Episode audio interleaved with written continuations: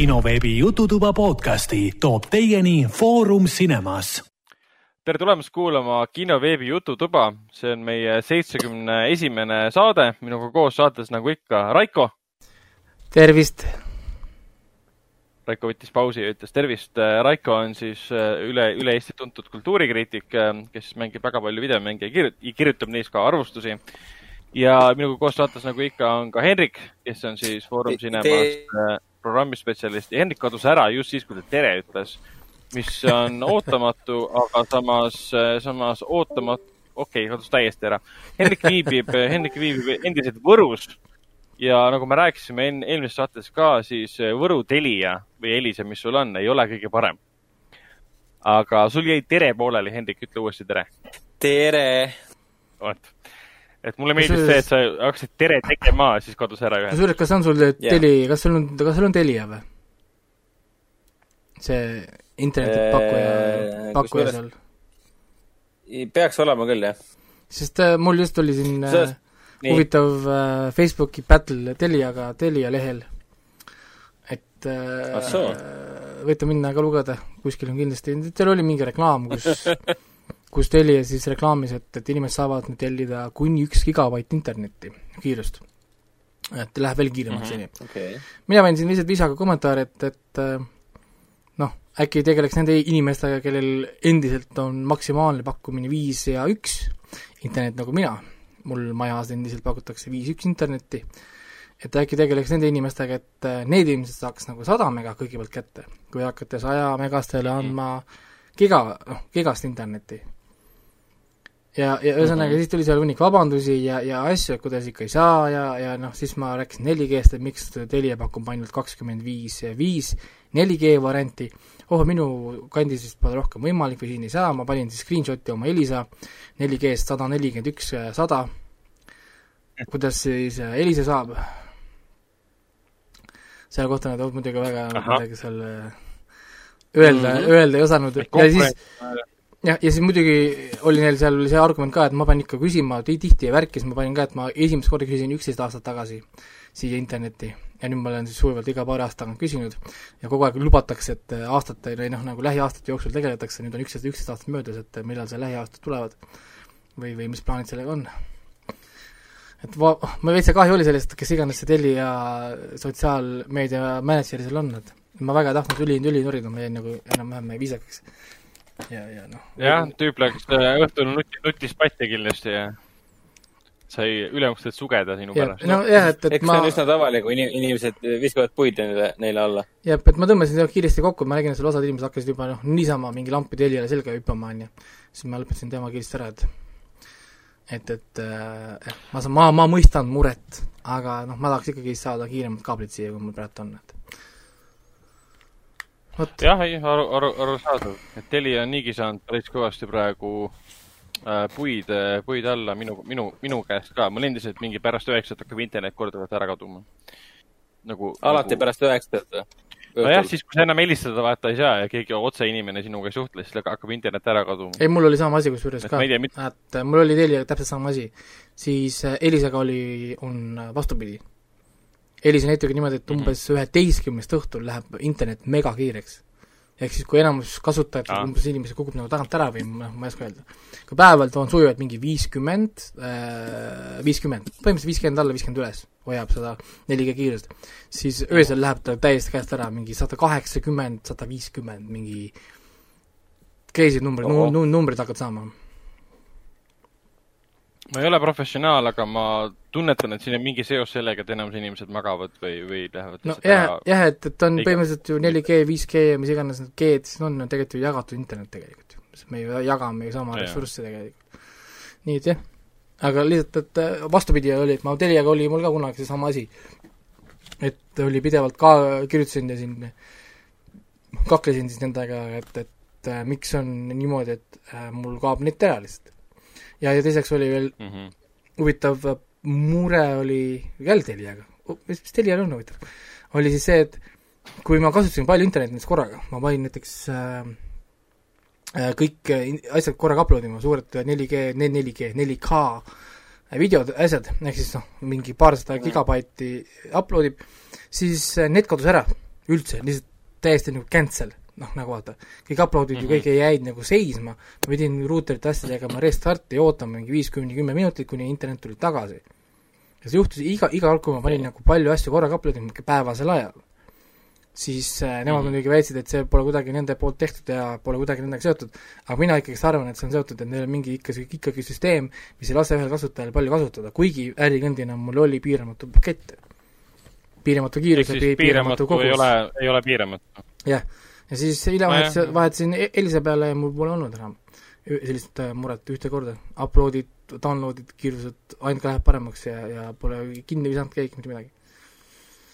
nii et ei tea, no eks siis, eks siis me peame ka Elisa peale üle minema. vot vaene, vaene teli, igal juhul äh, seda podcast'i Telia selgelt ei toeta. jah, seda il- ilmselgelt ei toeta seda, mis on salajane en- enese, enese propageerimine, et me kõigepealt No. teeme maha ja saate lõpus hakkame kiitma. ei, aga ikkagi. see on see vana hea, et isegi hal- halb reklaam on hea reklaam, et noh. jaa, ei Jah, no mi- vähemalt midagi me räägime., mina ikka lähen ikka selle loogika pidi, et tegelikult juhtub, vaata, on ju, sest ähm, meie nagu noh, see on okei okay,, selles mõttes, et teil ei ole muud muret ka ja eks nad jõua, jõua, jõuavad järgi. ehk siis see ongi see konkurentsi point ka, et Mm. täna teil ei sobi, vahetada ära. Pole paar aastat Elisa peal, siis hiljem tulevad, tulevad tagasi. nii see no,, niimoodi see käib. lohutame ennast sellega ka, et vähemalt on valik olemas. täpselt, et meie süsteem, mis Eestis on selle koha pealt, on tõenäoliselt palju parem kui ma ei tea, Ameerika Ühendriikide mõnes nii-öelda maakohas. oi ikka ja meil on, meil on No, ikka väga head äh, süsteemid, et Ameerikas oli nii tavaline, et natukene tunnelit kaob net ära, lähed ron- rongiga sõidad mm., net kaob ära, lähed kuskile, kuskile, kuskile kogu aeg lihtsalt nagu mingi lõputult on nagu kadus, sõidad autoga natukene, las sellest LA-st välja hakkad sinna Las Vegase poole minema autoga, natuke maad lähed, levi kaob ära. siis lihtsalt ei ole nagu levi, täiesti Mhm. nagu null levi. siis nagu what, noh nagu ehk siis meie eestlastena pole selle Mm. üldse, ideega üldse harjunudki, et sul võib olla kohti, kus sul pole levi, nagu üldse pole levi. no ongi, kui sa lähed mingi Hiiumaa mingi metsa maasikale või mis iganes, siis sa tead, et sul on kogu aeg internet olemas, et midagi ei juhtu. ja Oot. telefonilevi ka ikkagi. ja, ja, ei, mul telefonilevi on lampi kadunud tegelikult. jah, et no eks see ikka tuleb ette, aga noh, ma räägin, et meie oleme veitsa ära heli-, hellitatud küll Eestis oma kiiruste ja igasuguste asjadega tegelikult. et, et kui, kui me siin räägime isegi mõne, mõne, kusjuures isegi kui ma räägin mõne teise ajakirjanikuga, noh nagu videomängu teemal ka, siis mina kurdan siin oma mingi sada viiskümmend internetiasjadega, siis nemad näitavad oma kiiruseid, et PlayStationi käest nad saavad kätte mega alla ja mega üles. on ju, ehk siis nad räägivad, et ah, noh, millest sa räägid, mees, mis numbritest nagu, noh, mida sa kurdad, vaata. nojah, ma panen mingi kaheksakümne gigase uue mängu Playstationil tõmbama, tõmbab mul mingi tunniga võib-olla alla või? aga ma ei kujuta ette, mis ameeriklastel on, panevad ööseks tõmbama lihtsalt mingi kaheksa tundi jutti tõmbama. nojah, et nendel on, nende endal on see kontrast, vaata, et eh, kui sa oled nagu keset otse LA-d, downtown, downtown LA-s väga kiire net, väga kiiresti kõik toimib. aga küll, natukene lähed juba välja sellest linna nagu alast, räägin Comptonist ja hakkad sinnapoole minema, kus enam ei ole seda nagu kesklinna osa. oh jumal, kui kiiresti kõik nagu muutub.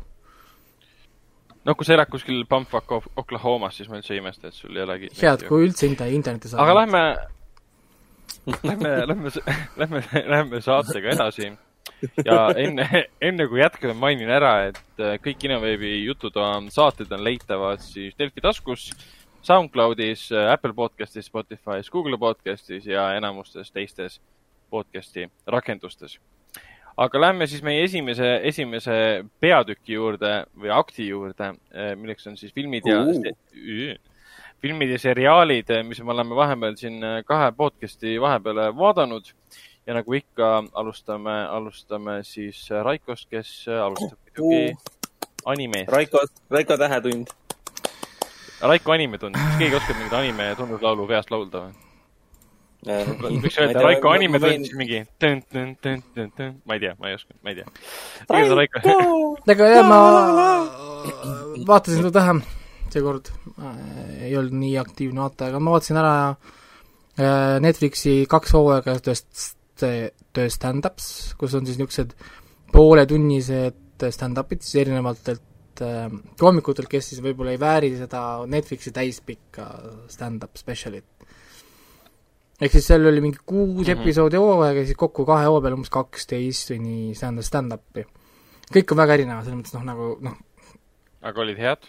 mõni on ikka väga hea ah., mõne, mõnel ma ikka naersin ikka päris, päris palju, mõni oli lihtsalt nagu, miks sa seal oled. noh, noh, nagu näha ka, kuidas, kui inimesed nagu, nagu ei naera või ta seda atmosfääri ei teki, siis näha, et tal tekib frustratsioon, ühesõnaga see ainult süvenes, vaata, mõnel seal. Ehk siis naljad enam ei, nagu ei lähe, siis ühesõnaga rütm läheb paigast ära, ajastus läheb paigast ära ja siis on suht piin mm, -hmm. suht, suht piin vaadata, kuidas nad üritavad lõpuni nagu minna et äh, ma seda soovitan vaadata küll tegelikult, suht, suht kõiki ühtegi vahele jätma ei pea mm. -hmm. lihtsalt seal üks naiskoomik on seesama, kes tegi seda, kellel oli see spetsial nüüd mingi, millest ma rääkisin siin ühes äh, podcast'is ka.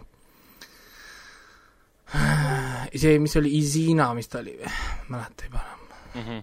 Eliza või aa, see oli, issand, ma juba ei mäleta ta nime. Eliza ja, ja Schlesinger või jah, ja, ja tem-, temal on ka see üks pooletunnine, see on ka, on oli vist Eliza Helsinger või midagi. mingi Seisinger või mis ta oli, ma ei mäleta ta nime enam. kes, kes, kes sai oma selle väikse sketši show Netflixis ka nüüd siin ähm, aa, Ili-, Eliit, Elisa Selsinger. Elisa, see oli mõte, see tüüp, jaa, jaa. okei, temal on ka jah, ja, ja temal oli veitsa awkward selline Amy, Amy Schumerlik räägib ainult oma, oma hargi vahest ja, ja ühesõnaga nagu niisugune igav ja pointless. aga seal on teisi naiskomikuid ka, teevad väga teevad, teevad, ei, see on pointless, see on pointless. okei. Äh, teised naiskoomikud on ka väga head nalju teevad kusjuures ma nimesid nüüd ei oska öelda, aga ühesõnaga, kui stand-up'is näete, siis näiteks mulle hullult meeldis üks see üle, ülekaaluline lesbi äh,. Ta teeb väga palju niisugust head nalja sellel teemal üldse nagu. ja siis ta alati tuletab ka inimestele meelde, et ma olen ennem, ma olen ülekaaluline, siis teisena ma olen lesbi. ja siis seal on nii häid noh, nalju vaata, kui mehed, mehed hakkavad tal külge lööma, tal pole üldse huvi, aga siis mees talle hakkab, kuule, aga kui ma annan sulle seda kanatiiba süüa, siis on oo, ma nüüd olen juba huvitatud. ühesõnaga niisuguseid huvitavaid nalju. ja ja, ja siis üks okay., siis, siis üks teine, mõnus, mõnus.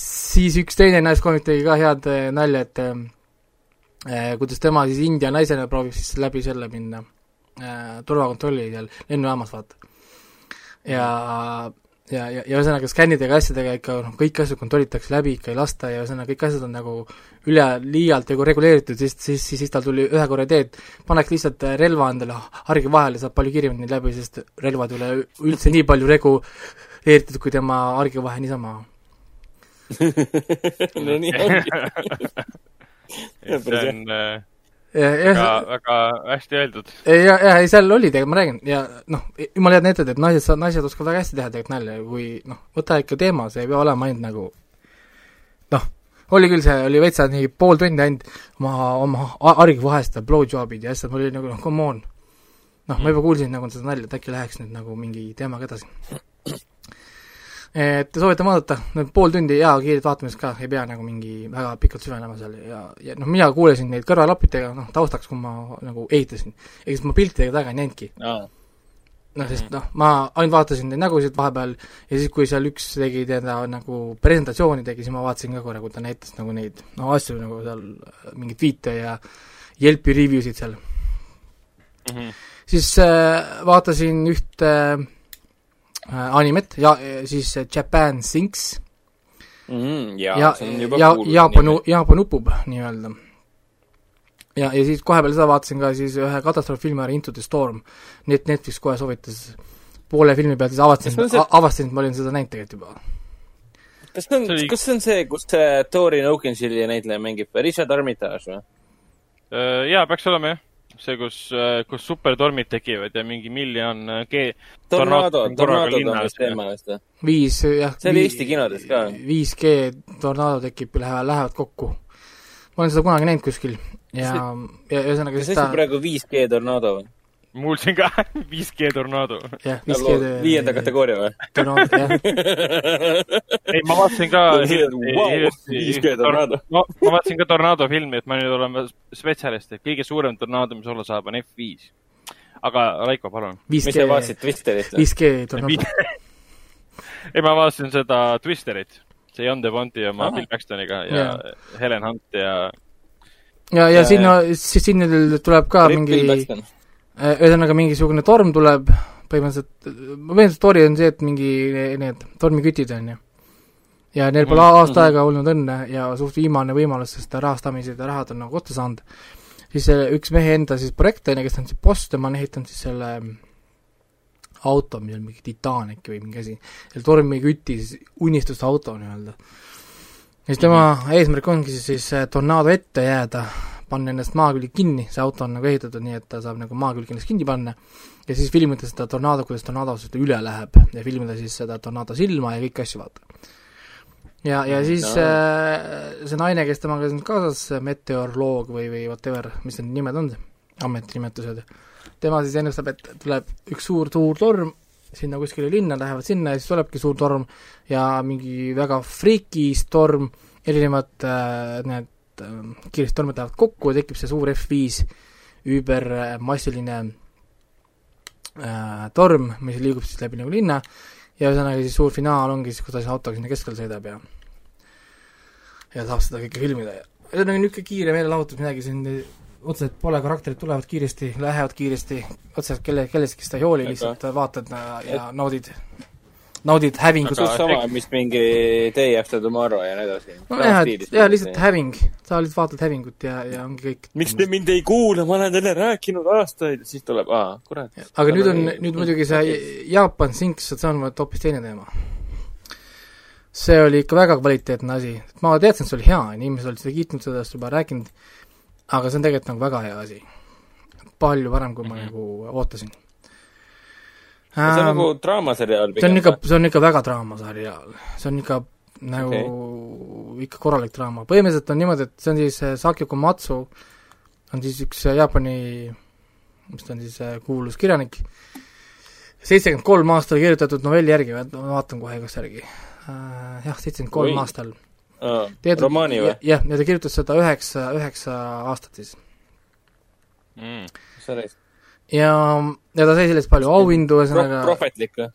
ja, ja ühesõnaga ta on hästi tuntud Jaapanis, oli tähendab tuntud, kui ta veel elas. ja, ma vaatan jaa, et teleseriaal oli sellest ja sellest on film, 74, film, 75. film, filmi on tehtud ja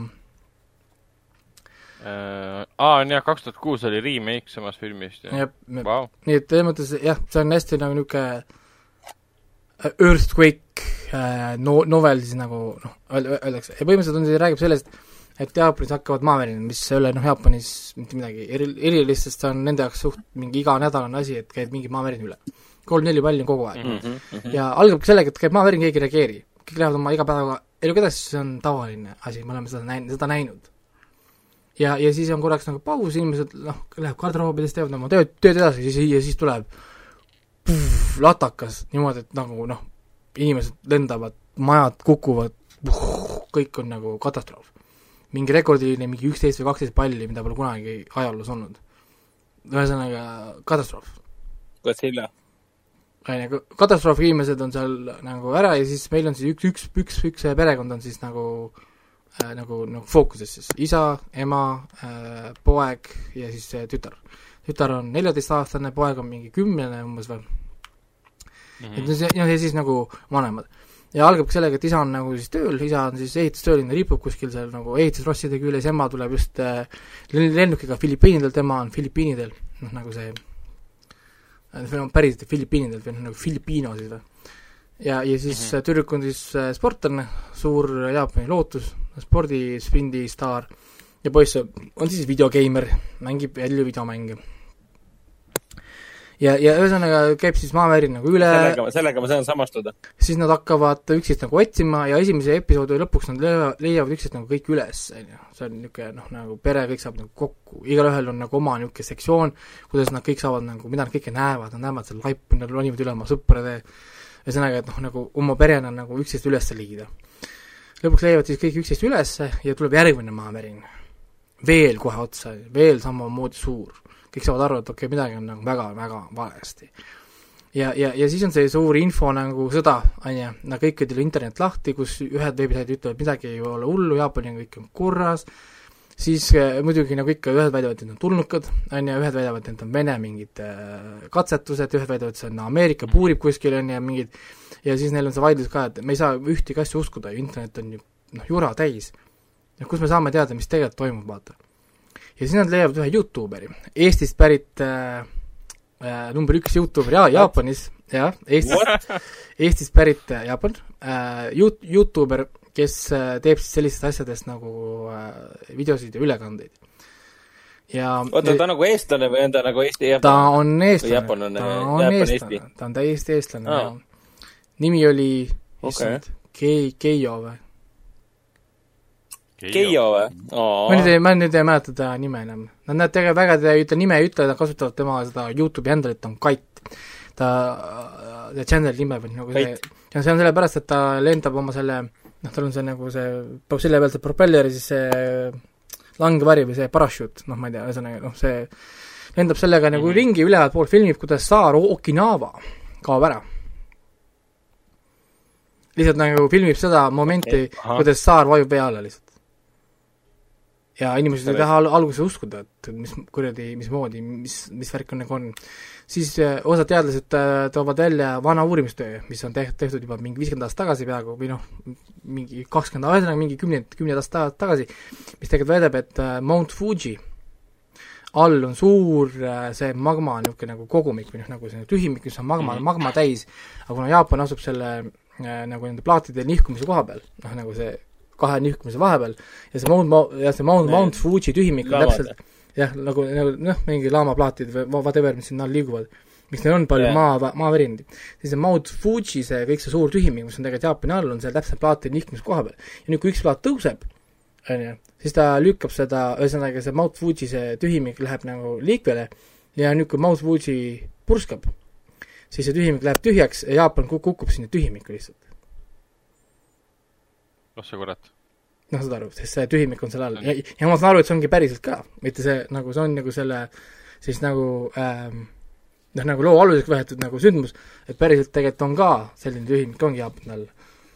et see tegelikult ongi täitsa Aa, Jaapani nagu jaoks täiesti täiesti reaalne seanss, nagu ma ennem ei teadnud ka seda. wow. inimesed äh, vaatavad seda, seda seriaali ja hakkavad rohkem huvituma Jaapani tektoonilisest äh, liikumisest ja ge- geograafiast ja, ja kõigest sellest. ja, ja no siis ongi muidugi noh, maavärinadega nad saavad tsunamisid, on ju äh,, mis käib nagu kaasas. ja, ja esimene kord, kui nad saavad aru, midagi valesti, ongi näiteks siis, kui äh, no see esimene mägi, kus nad siis esimene öö ööbivad, keegi läheb mäest alla, tuleb alla, kuulge, et mägi, mäe alumine osa on vee all. keegi on, kuule, kuule, kas tsu- tsunami peaks olema praeguseks juba tagasi tõmmanud ju? ei, ei, see on soolane vesi. ookeani vesi, miks meil siin vesi on? On ju Mhm. ja, ja siis hakkabki nagu pihta, et see poiss siis on netis ja räägib oma Eestist pärit geimersõbraga, kes äh, vaatab talle internetist äh, kohe järgi, ütleb, et kuule, et äh, internetikaardi pealt või Google Mapsist ta vaatab, et saare ida pool on kõik pime, minge lääne poole. hakake liikuma lääne poole. Wow. Ja- ja see- pime on sellepärast, et ta vajub sisse. ja siis äh, pere hakkab liikuma lääne poole, kui kõik teised inimesed lähevad ida poole, sest id- ida pool on kõik need suured linnad, kõik mingid äh, toiduvarud, värgid, sadamad on ja kõik, inimesed lähevad sinnapoole, aga pere mm., pere ütleb ei, et tema ei, see eestlane, Eesti sõber ei valeta kunagi. Siis, siis Päris see ja see poiss on suur Eesti, Eesti, Eesti Nice. fänn, poiss tahab elada Eestis, ta on äh, sünnist saadik tahtnud elada Eestis. sest Jaapan äh, sakib, Jaapani elu on mõttetu, Jaapani kultuur on liiga kinnine, ta tahab minna Eestisse, kus kõik on vabad, kõik saavad teha, mis tahavad, seal on kiire internet, seal on tore elada, kedagi ei huvita, mida sa teed Jah. ja, ja, ja meil, meil, meil ei ole looduskatastroofe. jah, täpselt okay,, mingi ongi. äike on ja, mõnikord. ja, ja see on ka siis see argument, et seal ei ole maavärinaid, seal ei ole uputusi, seal ei ole isegi tõusumõõna, et äh, no tema tahab minna elama Eestisse. Ja sellepärast ta vaatab ka seda meil on ainult Eesti, EKRE, et midagi muud ei ole. ta vaatab seda Eesti ju- Youtuberit, seda Kaiti ja ühesõnaga mängib eestlastega koos internetis ja on suur Eesti fänn siis. ja, ja siis ta, siis ta õpib, äge. ta õpib inglise keelt, ta õpib, õpib eesti keelt, õpib siis erinevaid keeli, et olla valmis selle jaoks, et kui ta üks päev läheb Eestisse elama. mis on väga veider muidugi äh, näha seda. eesti, ja siin me harjutab ka ka saaris me kahjuks ei näe eesti keelt niimoodi. ma lootsin, et ta räägib või okei, proovib aa. rääkida, aga, aga mitte. ja ja siis hakkab see sündmus nüüd nagu pihta, no perega, perega, põhimõtteliselt see sari ongi juba siis pere liikumisest läbi nagu selle äh, noh, nagu Jaapani nagu saare. noh, nagu nii-öelda oota, sa nagu vaatasid kõik ära jaa, jaa, terve terve hooaja vaatasin ära, jah. see on kõik, rohkem ei tule ka, see ongi läbi. Pi- story ongi nagu läbi, teist hooaega oh, okay. ei saa tulla. Aga ma arvan, ma arvan, et ära, ära mulle ja vennale võib-olla kuulajatele siis nagu rohkem story wise. ei, siin ei olegi enam midagi, midagi nagu muud nagu spoil'i selles mõttes, et äh, nad liiguvad nagu läbi nagu saare ja See- siis lihtsalt sündmused lihtsalt hakkavad Ahah. nagu toimuma, kuidas, kui raske keeruline Okei, see on okei, väga hea. noh, nagu noh, ja, ja, ja siis see eestlane on, ongi ju siin oluline osa siin äh, väga suur roll ongi tal, ta on üks põ- põhitegelane, ongi see Eesti, eestlane siin oma Youtube, see suur Youtube'i staar. Ta on igas episoodis olemas, ta on väga kesksel kohal, nii et. ja Eestit mainitakse üldse hästi palju, me näeme Eestit ka, Eestit on animeeritud, me näeme vanalinna animeerituna. Äh, me näeme isegi sõna Eesti ekraani peal. Äh,, me näeme Eesti e-sportlaseid näeme. Äh,, nii et Eesti, Eesti, Eesti käib siit läbi väga, väga, väga, väga palju Mhm. mm., mis on selles mõttes väga tea, kas huvitav. Eesti oli siis teema, kas Eesti oli siis teema seal seitsmekümnendate romaanis ka jah, kuule, ma guugeldasin seda, ma, ma tegin, ma, ma tegin siin paar tundi huvitavat tööd, pulli pärast tahtsin teada, mis värk sellega siis on, noh nagu miks nagu, miks see Eesti nagu nii lampi sinna tuli. siis tuleb välja, et origi-, originaalis tegelikult eh, noh, nad pidid palju muutma, sest noh, seitsmekümnendatel kirju- kirjutatud sellega, et nad ei saanud olla Eesti Youtuberid, on ju, ja, ja, ja noh, Eestist pärit videomängurite asju. Aga siis ma, siis äh, huvitav oligi seesama see Sakio Komatsu on ju, temast ei ole väga palju nagu asju, oota, see on sellepärast, kes, kes see nüüd on siis? tema, see on see autor see on selle raamatu mm. -hmm. autor. et ta sündis kolmkümmend üks Mhm, ja tuhat üheksasada kolmkümmend üks sündis ja kaks tuhat üksteist suri, on ju. aga temast on väga vähe nagu leida nagu intervjuu asju vaata, sest noh, tema oli juba suht vana, vana mees, kui kaks tuhat tuli näiteks ja nagu see interneti tippaeg No, oli. Siis äh, lasin siin erinevaid Jah. jaapanikeelseid artikleid siin lihtsalt mul pea, peal silme eest lõpuks, aga nii palju ma lõpuks leidsin. et tõepoolest tema raamatutes on läbiv äh, asi on Eesti. tal on tihti, raamatutes on keegi eestlane, keegi müstiline eestlane, kelle roll on äh, päästa situatsiooni või tuleb korraks sisse, päästab ära ja läheb minema. umbes. ja, ja ma ür- noh, üritasin siis nagu äh, teada saada, mis värk sellega on ja, ja tundub, et äh, tundub, kui kellelgi veel infot äh, võib mulle teada anda, et, et, et ta oli, õppis Itaalias viiekümnendatel, oota, kus see aasta oli siin, ma nüüd, mul on see kadunud, see raamatu autor meenutab juba seda Sixto Rodriguez. ühesõnaga, ma nüüd kaotasin selle nagu ära, ühesõnaga kuskil minu eestlasest kus- kaitseingel. Äh, jah, kuskil viiekümnendate kandis äh, ta või oli kuuekümnendatel, ühesõnaga sealkandis ta käis Itaalias õppimas ajakirjanduse mingit asja. ühesõnaga ta oli hästi ise, ta oli ise ka hästi rahvusvaheline nii-öelda nagu inimene. ja, ja tema mindset oligi, tema nii-öelda nagu meelestatus oligi see, et Jaapan on liiga kinni, hoiab oma kultuurist liiga kõvasti kinni. seda me näeme selles Jaapan upub äh, animes ka, kuidas inimesed, näiteks Jaapani inimesed suhtuvad võõrastesse, kes ei ole puhtalt, puhtalt jaapanlased. see on ka põhjus, miks ema on pärit Fi- Fi- Filipiinidelt. Ehk siis lapsed on tegelikult ju segu ja, ja. ja siin on sellega teatud teemasid ka, mis näitab, kuidas jaapanlaste suhtumine on, või näiteks kui poiss räägib inglise, inglise keeles, kuidas jaapanlased käituvad, kui äh, kohalik räägib inglise keeles, umbes laused, et mis, mis meie keelel viga on. sa saad aru mm., miks sa pead äh, tegema niisuguseid asju, ühesõnaga, tema ise oli niisugune rahvusvaheline ja siis ma leidsin ka mingi, mingi lause ühest vanast intervjuust, kus ta väitis, et siis äh, seal Itaalias ülikoolis olles ta kohtas ühte eestlast, kes oli, kes jättis talle nii, nii sügava mulje, et ta tundis, et ta peab teda pidevalt nagu äh, siis nagu kuidas ta ütleb, kuidas oli siis nagu austus nagu talle näitama pidevalt, teda erinevatesse raamatutesse panema.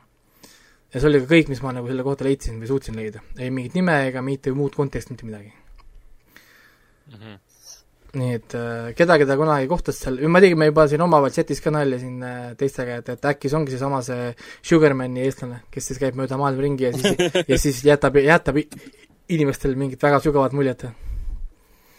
salapärane eestlane, kes rändab mööda maailma ja jätab erinevatele inimestele aga, sügavaid aga, aga jah, ma nüüd juba pulli pärast hakkan siin otsima ka, et ma äh, võtsin kaks audioraamatut, tema, tema omad ähm,. teine, teine, ma võtsin selle originaali, on Jaapan ja teine on siis see Virus, Day of Resurrection on siis tema nagu ka viirus on ka või? jah, Virus, Day, Day of Resurrection, need on kaks raamatut, mis on siis inglise keeles audio on olemas, ma rohkem ei leidnud, kui kellelgi on jälle äh,, võib teada anda, et ma kuulan need ära. oota, kas see viiruse teema nagu pan-, pandeemiatest või midagi sellist või? Äh, ma kohe ütlen sulle, millest äh, see novell räägib. On tuhat üheksasada kuuskümmend neli, kuuskümmend neli kirjutatud, film. on ka tehtud, po-, postapokalüptiline ja USA kosmosemissioon kuuskümmend neli toob kaasa mikroobid Maa orbiidilt. ja siis hakkab, hakkab pihta ko-, koos mingi cocos shaped super germs tuuakse alla ja hakkab, ongi mingi pandeemia värk, jep mm. -hmm. Nice. jääb siis hakkab mingi vaktsiini otsimised ja värgid ja, ja ühesõnaga näed, et see on äh, outbreak'id, sarnane haigus, mis on sarnane influensale ja pooliole.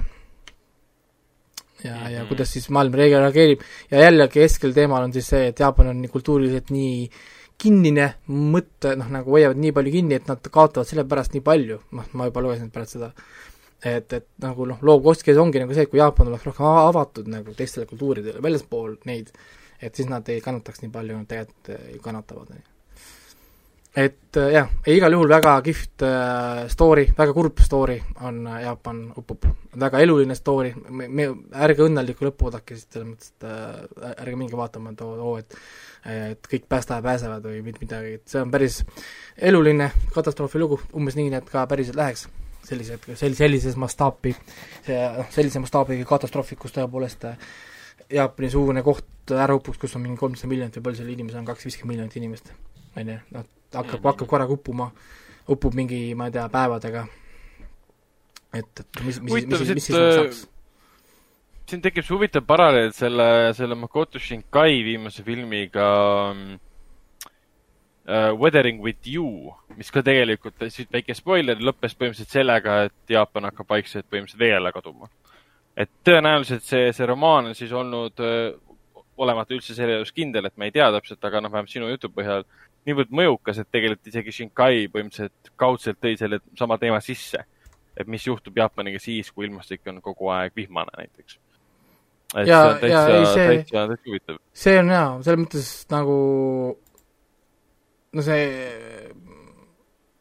noh, nii nagu ma siit äh, nii-öelda sellest novellist nagu sain ka aru, et see ongi nagu nende jaoks nii-öelda nagu ma ei oska öelda, mis on nagu Eestis mingi niisugune raamat, mida kõik on lugenud. Mhm. noh, ta on nagu, nagu kohalik niisugune nagu kul- kultuuriline lihtsalt fenomen, mida kui sa lähed Jaapanisse, räägid, et Jaapan siin ka ja, ja me oleme, kõik on umbes lugenud seda või kõik teavad noh, seda raamatut nagu. sest noh, ta on põhimõtteliselt võitnud kõik auhinnad, mida üks raamat seal võita saab, noh, selles mõttes, et äh, ma vaatasin jah Saturn Award ja kõik need. väga-väga huvitav, võtame, võtan ta, ma alustan kindlasti see on Netflixi äh, seriaalist ja. lühikene ka, selles mõttes, et võta noh, kui is- isegi kui in- inimesed võib-olla nagu noh, mõtlevad, et ei vaataks seda või, või, või noh, umbes ei tea, kas viitsib vaadata, sest mingi draama ja sügav, aga see on väga hea tempoga, selles mõttes nagu draama, see jookseb nii kiiresti ja nii nagu hästi, et mitte ühte korda see ei veni, on ju, kogu aeg on nagu tunne, et tahaks veel vaadata, näidake mulle veel neid karaktereid, isegi kui nad toovad uusi karaktereid sisse, uusi situatsioone, kõik käib nii kiiresti ja loomulikult nagu umbes nii, nagu ta võikski nagu päriselt nagu minna. Need kümme epi- episoodi lähevad nii kiiresti, ma räägin, see on ainult kakskümmend kaks minutit per episood. ehk siis kakssada kakskümmend minutit, natuke üle kolme tunni tegelikult. noh, nagu ühte seda ho- hooaega. ja teine hea uudis on see, et sa ei pea ootama teist hooaega, sest noh, lugu saab läbi. nagu ja, ja, ja kui nagu ei, ei, edu ei hakka pähe ja otsustavad, et teeme veel. äh, vot see on ka alati jah, mida võib teha ja siis proovitakse teha originaalset lugu ja Jaapan tõuseb see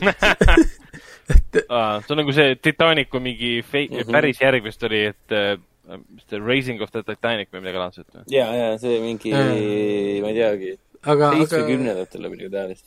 aga ei, päriselt, nagu ma olin väga impressed. noh, algselt oli niimoodi, et ma ei plaaninud seda kohe vaadata, mul tegelikult pole üldse aega et vaadatagi. ma vaatasin ühe osa ära, mõtlesin davai, et noh, teen väikse intro endale ära. ja niimoodi läkski, ma jätsin kõik töö ja kõik, kõik jäi seisma, kõik asjad mul seisid. lasin kõik kohe, kümme osa kõik järjest äh, juti ära lihtsalt ja ja ei kahetse, väga, väga, väga, väga kihvt. nii et äh, Jaapan upub, hakake vaatama, Jaapan upub ja eestlaste, eestlaste jaoks eriti põnev eriti veel lõpu, lõpuosad, nii et äh, vaadake ja nautige, kuidas äh, jaapanlased räägivad e Eestist, mis on äh,, mida ma peaaegu kunagi ei näe. ausalt öeldes ma isegi, kui ma praegu mõtlen, kas ma üldse olen ennem näinud mõnda jaapanikeelset asja, kus räägitakse Eestist. see on täitsa huvitav jah, et äh, peaks uurima, kas on äh, sellest juba Eesti meedias kuidagi kirjutatud ka.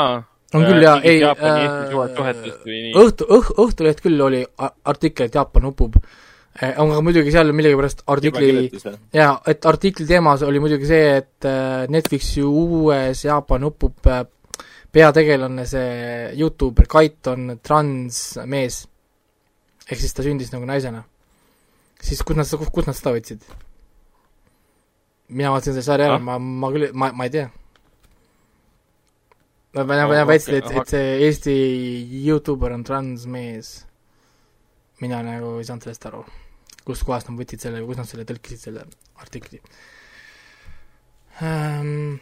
aga kusjuures äh, praegu, kui ma mõtlen, siis minu arust oli selles ähm, Steins Gate äkki oli või, kus kohas nad korra mainisid Eesti teadlast.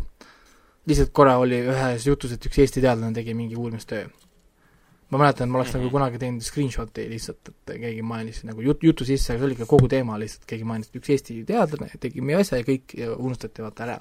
aga niimoodi, et sul on terve, terve nagu sari põhimõtteliselt nagu Eesti, eestlane ja, ja meie kultuur ja asjad on tegelikult nagu nii olulisel kohal seal, kus kohas, kus kohas üks jaapanlane proovib kaitsta Eestit, kui inimene ütleb, aga meil on Jaapanis mäed, meil on ilusad asjad, siis tema, aga Eestis on see, ma tahan ikka minna sinna, onju, ma ütlen, issand jumal, kas tõesti keegi tahab tulla siia elama? Eestis on, Eestis on küngas, oo jee. no meil, Eestil, Eestil on Hiiumaa, mis on kaunis, kaunis koht, kus absoluutselt kõik Eestis on Võrumaa. Eestis on Võru, kus kus ei ole internetti. jah, Ehm, jah, või noh, tegelikult ei ole väga karm sõna, et noh, aga, aga annamegi, annamegi teatepulga Võrule, Võrule edasi. sellepärast, et Võru räägib tere, Eesti, Võru äh, siinpool. jah, Võru räägib Kas- meile siis äh, oma filmidest kas, ja kas seriaalidest. Tall-, Tallinn, Tallinn ja Keila kuulevad, Võru, Võru siinpool. Võru, Võru kuuleb. Tammin, Tammin, Võru. kusjuures, et sa võiks tegelikult sama meest olla praegu Jaapanis ka nii, et sa oled põhi, põhimõtteliselt sama kaugel. jah, kaugel lõunas. ma korra, ma korra segan lihtsalt, väga, väga piinlik, aga, aga ma, ma ei näe Hendriku pilti meie Discordi vestluses, et mul on väga kurb, et me, me teda nägu ei näe. ei näe või? ei näe miskipärast, jah. oota, ma teen endale korra restardi. jätkate, jätkake teie vest-, vestlust nii et kaua ta. kõigepealt teeb endale ja siis teeb telefonile. äh,. aga Hendrik tuli juba tagasi tegelikult äh, ja vaatame, kas me nüüd äh,, nüüd Hendrikut näeme. Küll aga me saame jah rääkida siis äh, sellest, et näiteks vend on vaadanud endiselt Kutsuge ämmaemandat. seda on jah, päris, päris, sari, mis kunagi päris pikalt. oota, Raiko, sa näed, Raiko, sa näed Hendrikut või? enam ei näe, nüüd ma näen ainult mingid sinised täpid. aa, okei Näe.. ei, ei, ei ole hullu. jätkame. aga me, aga me kuuleme, sind- aga me kuuleme sind, jah.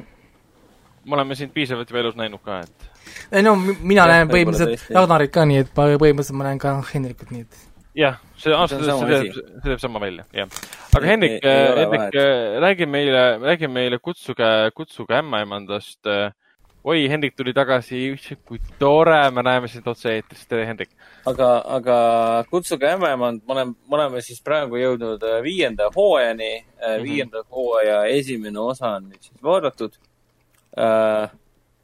täitsa sujuvalt läheb iga päev äh,.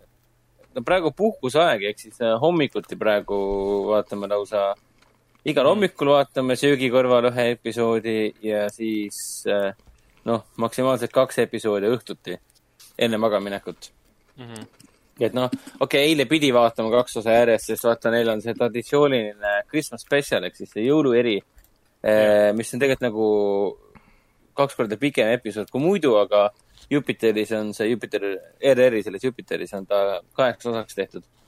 aga tegelikult on üks Mm. episood, mis on kahetunnine. jah, vähemalt IMDB-s ta niimoodi, niimoodi on äh, pandud paika, aga jah, et äh, jah, siiamaani väga meeldib, mulle jah, see on, ta on nii mõnusalt turgutav seriaal, ta on noh, see on ka endal nii huvitav vaadata, selles mõttes, et ma olen, ma olen meesterahvas, kes vaatab Kutsuge ämmaemandat, kus siis keskmiselt äh, kaks naist sünnitavad suures plaanis lapsi äh, ühe episoodi vältel. tavaliselt paneb seal kolm tükki. viimastes episoodides on lausa niimoodi olnud, et enam ei, isegi pikemalt ei tutvustata, kes see naine on, kes seal sünnitab. nüüd on lihtsalt, et me, nüüd me viskame, name drop ime lihtsalt nime.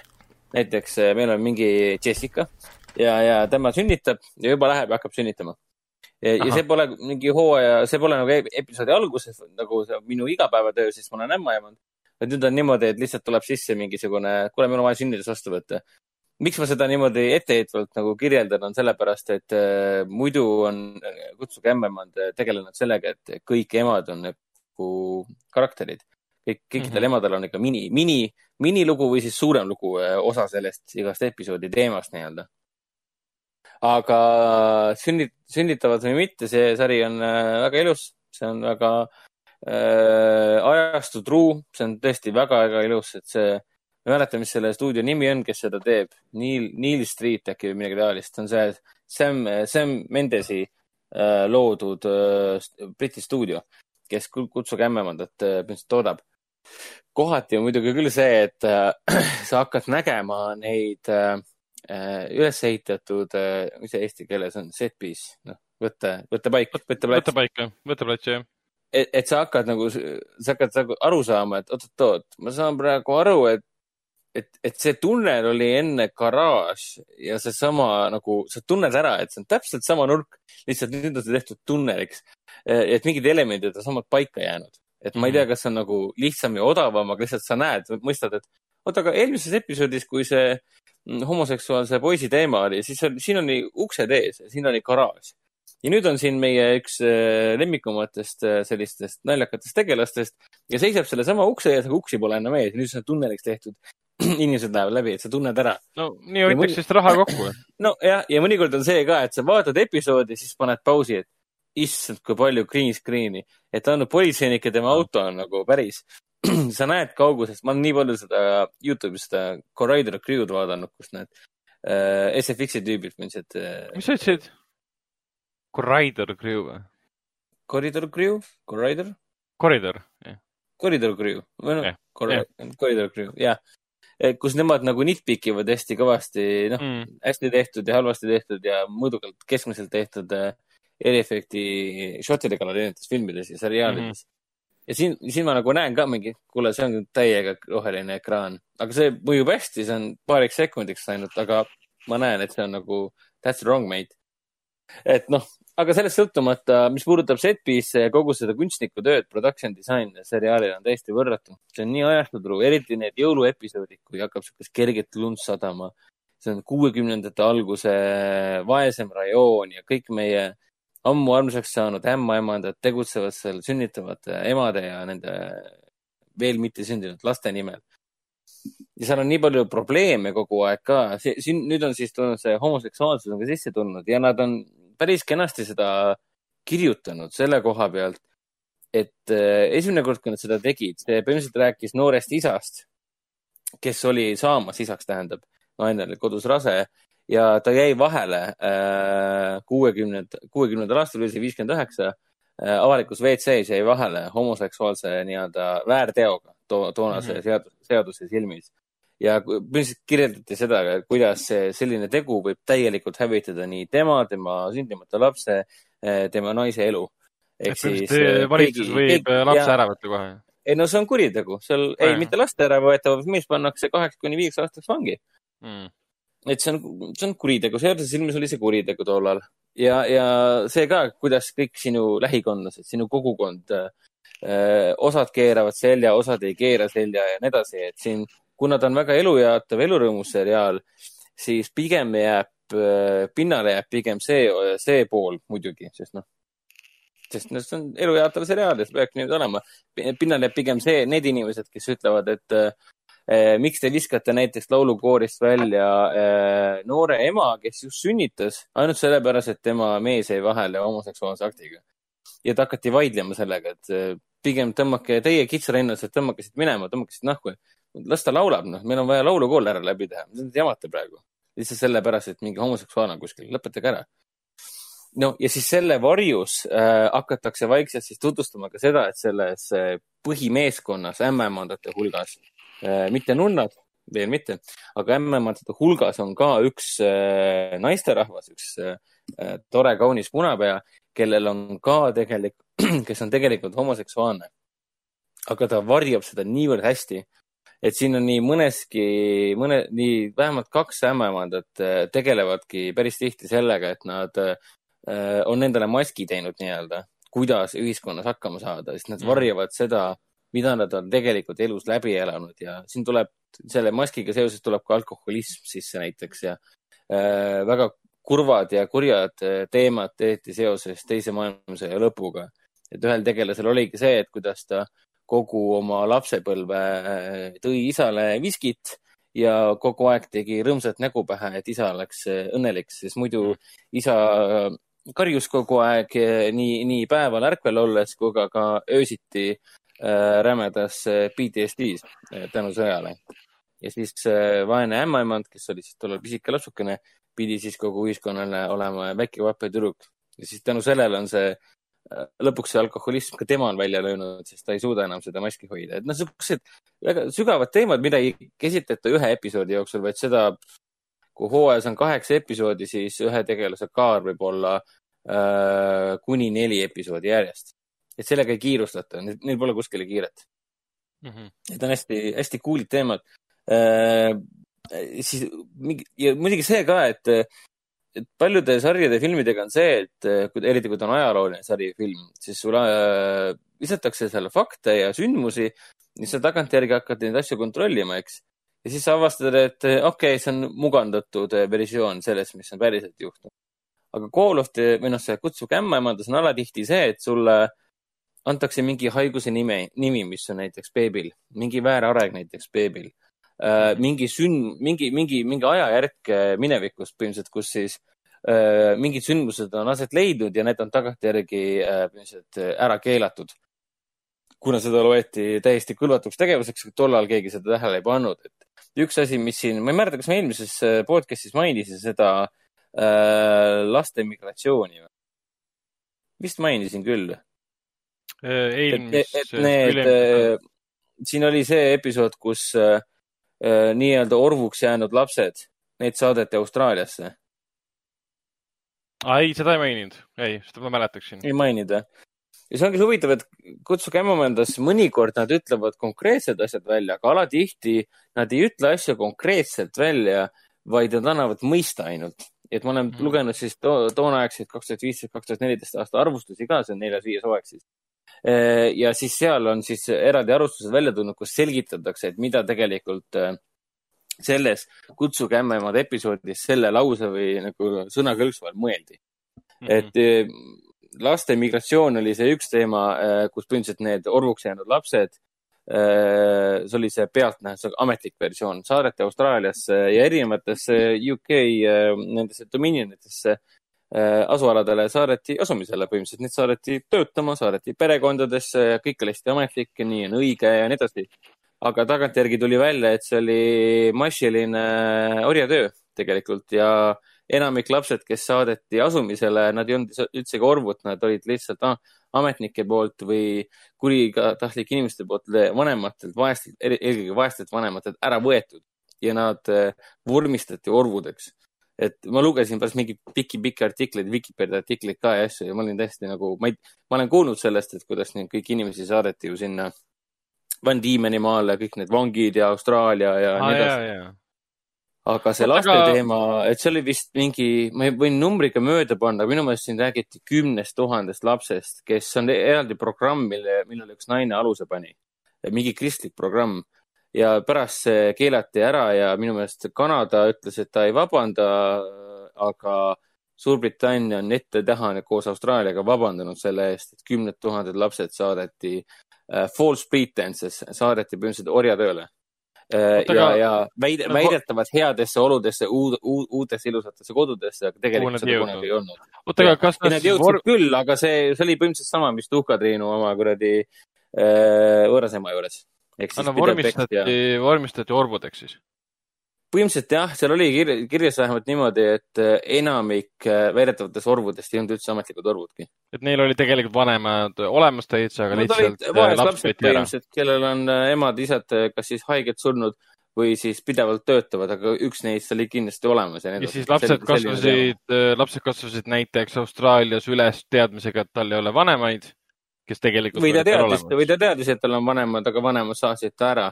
aga vanemad ja, ei pruukinud okay. teadagi, et see, nende eest niimoodi tehtigi.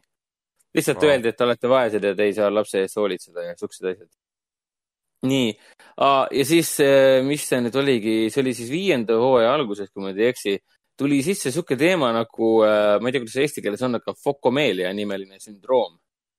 see on see äh, hülgejäsemelisus. Et kui laps sünnib täiesti deformeerunud käte või jalgadega või siis käte ja jälgedega, jalgadega ehk siis põhimõtteliselt äh, käed ja jalad on äh, välja arenemata ja nad on imepisikesed, meenutavad nagu hülge omasid. aa, ma vist tean, mida sa mõtled, ma olen kuskilt see läbi käinud. siis mõtlesime, me alatihti teeme seda, et ma panen, noh, mitte isegi pausi ei pane, et hakkan kohe guugeldama, et mis asja, mis asi see on. Äh, ja siis selles äh, migra, migrandilastega oligi see huvitav, et seda äh, programmi ei mainitud konkreetselt, aga siis, kui nad näidati tuleb rõõmus muusika peale, episood hakkab lõppema, lapsed on pääsenud vaesusest, seal oligi see teema, et ema oli lits ja lapsed olid nii ropus vaesuses ja nii haiged peast, jalast ja igalt poolt, et see oli lihtsalt kohutav mm.. ja, ja siis saadeti laeva peale, nad lähevad Austraaliasse ja siis see Vanessa Redgrave, kes äh, on see jutustaja nii episoodi alguses kui ka lõpus, see siis hästi õrnalt ütleb, et äh, mõnikord on äh, pääsemine viletsusest totaalne õnnistus, mõnikord on see taaskord astumine veelgi hullemasse. ja siis me hakkasimegi guugeldama, mida ta mõtles selle all siis, siis tuli välja, aa, see on see teema. Aga see mhm. Fokomeel oli jah täitsa huvitav asi, et tuli välja, et äh, see on küll, see on haigussündroom mille siis on põhjustanud ka geneetiline, geneetiline viga, edasiantav viga nii-öelda. aga üks peamistest põhjustajatest tuli välja, et oli üks ravim, mille nime ma ei mäleta. Äh, viiekümnendate lõpus, kuuekümnendate alguses, mitukümmend äh, riiki vist isegi kasutas seda. tänu millele tekkiski massiline hülgeesemelise sündroom lastel mm. -hmm. ja, ja hästi palju on neid nurisünnitusi meeletus koguses ja siis tuligi välja, et see oli äh, Reseti ravim, mis muutus hästi kiiresti käsimüügiravimiks. ja seda mm -hmm. võeti isegi selle rasedusiivelduse vastu ja kõik siuksed asjad. et ravim nagu põhjustas? hästi lihtne ravim, äh, ravim põhjustas põhimõtteliselt, äh, tõestati lõpuks ära ka minu teada, ma ei ole väga täpselt lugenud. aga noh, point oli selles, et see ravim, see, see ravim, see ravim on enamik selle hülge esimesele põhjustajaks nii-öelda ja see oli väga huvitavalt nagu sisse toodud ka Kutsuge ämmaemandasse, sest neljanda hooaja viimane osa, seal oli see teema, et üks äh, noor ema, kes oli veel rase, äh, ta oli pidevalt, äh, ta oksendas, et tema see hommikune, hommikune oksendamine ei saanud kunagi läbi.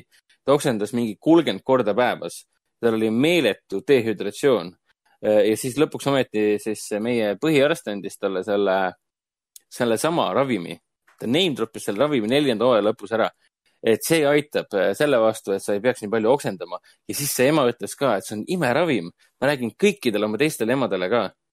ja siis viienda hooaja pärast jõuluepisoodi alguses, esimeses osas, nad kohe võtsid selle, selle, selle, selle teema, millele nad vihjasid siis eelmise hooaja lõpus, võtsid selle käsile ja näitasid seda, et kuule ja, äh, see oli võltsravim põhimõtteliselt, mis hävitas tuhandeid lapsi ja, ja tekitas sündroomi et sihuke teema, et see on hästi huvitav, kuidas need asjad sisse pandud ja et siin Kutsu Kämmemandas nad ei hakka ka ajalugu muutma. E, nad ei muuda arste targemaks, kui nad tegelikult on, kuigi meil on üks põhiarst, on väga, väga sümpaatne ja väga tark arst, aga nad ei muuda arste, nad ei muuda neid tuleviku versiooniks nii-öelda. tavaliselt võib ju nii teha, et sul on kuuekümnendatel toimuv e, tegevus, aga seal on kindlasti mingi nägus ja tubli arst, kes teab absoluutselt ja, kõike. ehk siis ta teab infot, mida meie teeme tulevikus, meie olevik et see pole ju loogiline, kuidas sa saad targem olla kui kõik sinu praegused inimesed. nii, aga mis tal teemadest veel oli äh,? Aa, see lastevahetuse üks teema oli väga-väga räts äh,. kuidas siis haiglas kogemata lapsed läksid vahetusse, sest haiglast läks üks, üks osa haiglast läks põlema nad ei jõudnud panna neid lipikuid külge lastele ja eriti hullumeelseks muutis see just see asi, et äh, vahetusse sattunud lapsele avastati südames kahin ja tal oli hädavaeva jäi püsima põhimõtteliselt ja ta on eluaegne invaliid. ja siis need kaks ema põhimõtteliselt olid kunagised sõbrannad ja siis, kuidas siis üks ema põhimõtteliselt ütles, et sa ei suuda selle enda lapse eest hoolitseda. ma ju tean sind, sa oled niisugune täielik pudrulõust ja ärbleja, et mina, mina hoolitsen sinu lapse eest Mm -hmm. et noh, põhimõtteliselt, põhimõtteliselt äkki ja siis teine oli ka see, et kuule, aga me ei saa ju, ärme võta seda haiget last, meil on ju terve laps. see on õnnistus nagu.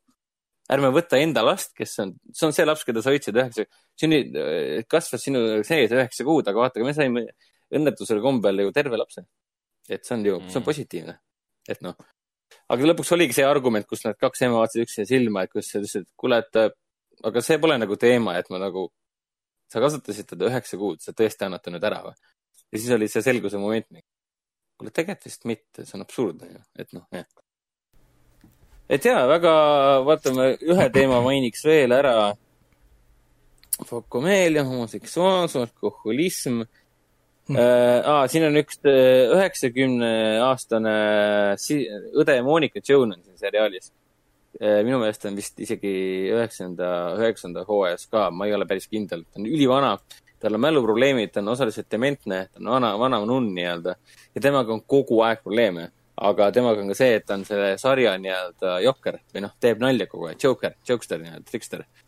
et sa oled vana, ta on, armastab kohutavalt eh, magusat, teeb hästi palju nalja kogu aeg, et kui tema tuleb ekraanile, sa tead, et nüüd saab hakkama nalja saama. Aga temaga on see traagika, et ta pärineb eh, ülijõukast perekonnast eh, ja ta jättis selle jõukuse kõik maha, et nunnaks saada ja oma, oma nii-öelda eriti rasketel momentidel, kui ta haigeks jääb näiteks ja siis ta hakkab meeletult sonima oma emast, kes teda kunagi eriti otseselt ei sallinud ja tal on ainult üks pärlikee alles jäänud. no siis oligi lõpuks see, et see, nad läksid tülli temaga, sest ta kogu aeg nõuab seal, ma ei tea, nõudis, ta nõudis telekat ja siis nunnad ütlesid, et nalja teed või.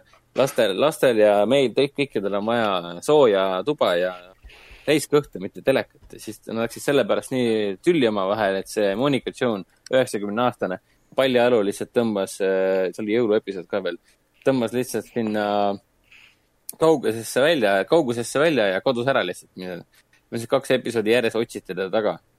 Põhimõtteliselt arvati, et juba surnud, vahepeal tekkiski kahtlus põhimõtteliselt, juba jõuti surnukuuri ka, hästi kurb ja kõik siuksed teemad. ja siis lõpuks tuligi välja, et ta läks tagasi koju, tema ema Häärber, mis on praegu skvatterite käes. ja tulemus oli see, et ta läks sinna surema nii-öelda. aga siis teised, teised nunnad jõudsid tema juurde ütlesid, et kuule, vara peal, tule nüüd, tule nüüd kloostrisse tagasi, siis tema mingi, okei okay,, siis tulen koju tagasi. veel pole aeg surra. et kogu aeg on siin siuksed teemad, et nüüd on aeg surra, nüüd on aeg surra, ma olen valmis surema. ja siis tuleb teine nunn mingi, kuule, söö oma kooki edasi ja rahune maha, ei sure sa veel kuskile, et noh. et hästi armas ja hästi nunnu, et äh, kui sünnitamine ei tekita äh, vastunäidustust, siis soovitan kõikidel perekondadel seda, seda koos vaadata, seda seriaali. sa rääkisid praegu nagu laste orvuks registreerimiseks, registreerimisest ja siis Austraaliasse saatmisest, sa tekit-, rääkisid äh, ravimist, mis tekitas äh, hülgesündroomi ja muudest jäsemeldusest., täpselt ja, ja muudest jubedatest asjadest ja ütled, viimane Millest asi, mis sa jah. ütled, on, et see on soe ja ilus seriaal, soovitan vaadata. no ongi Ähm. lihtsalt see info, mis ma olen rääkinud, see tuleb äh, neti põhjal, seda guugeldades. Seriaal sulle seda infot ei anna, seriaal jääb ajastu kohaseks. kõik on, info ikka põhineb sellel, mida tollal inimesed teadsid, mitte sellel, mida me nüüd teame. võib öelda, et seriaal mitte ei, ei ilusta seda asja, võib-olla ta lihtsalt vaatab siukse, siukse võib-olla romantilisema ei, ta on, pilgu ei ta ei näita romantiliselt, ta näitab seda asja nii, nagu ta oli. mm. -hmm. et kui lapsed on vaesed ja elavad äh, mahakantud korteris äh, kolmekesti üksinda ja, ja neljas on veel äh, neljakuune beebi, samal ajal kui ema on prostituut, siis äh, ja lapsed on äh, tõenäoliselt poolteist aastat elanud korteris pesemata, nad on siukse ülipaksu äh, korra all põhimõtteliselt. pesta pole nad saanud, hambad pole pesnud. nii, ja laps, lapse mähe on vahetamata, et kõik on põletikuline ja nii edasi, et see on, noh, see asi läheb ikka üsna, kogu see seriaal on kohati nii valusalt emotsionaalne, et noh, raske, raske on nagu pilku pöörata ära muidugi ka, et. aga no sina, sina kindlasti ei ole meie, meie üldse Eestis või, või isegi meie kuulajate hulgas ilmselt ainuke, kes seda eh, vaatab püsivalt, et eh, kui meie kuulajatest on ka mõni eh, kutsuge ämma, ämmaemanda fänn, siis meile võib alati kirjutada, joonistada või siis helisalvestist saata, mis, kus te jagate omi Jah. mõtteid selle seriaali kohta, mis on võib-olla palju äh, ma ei tahaks öelda negatiivsemad, aga võib-olla siis äh, hoopis teistsugusemad kui, kui Hendriku omad.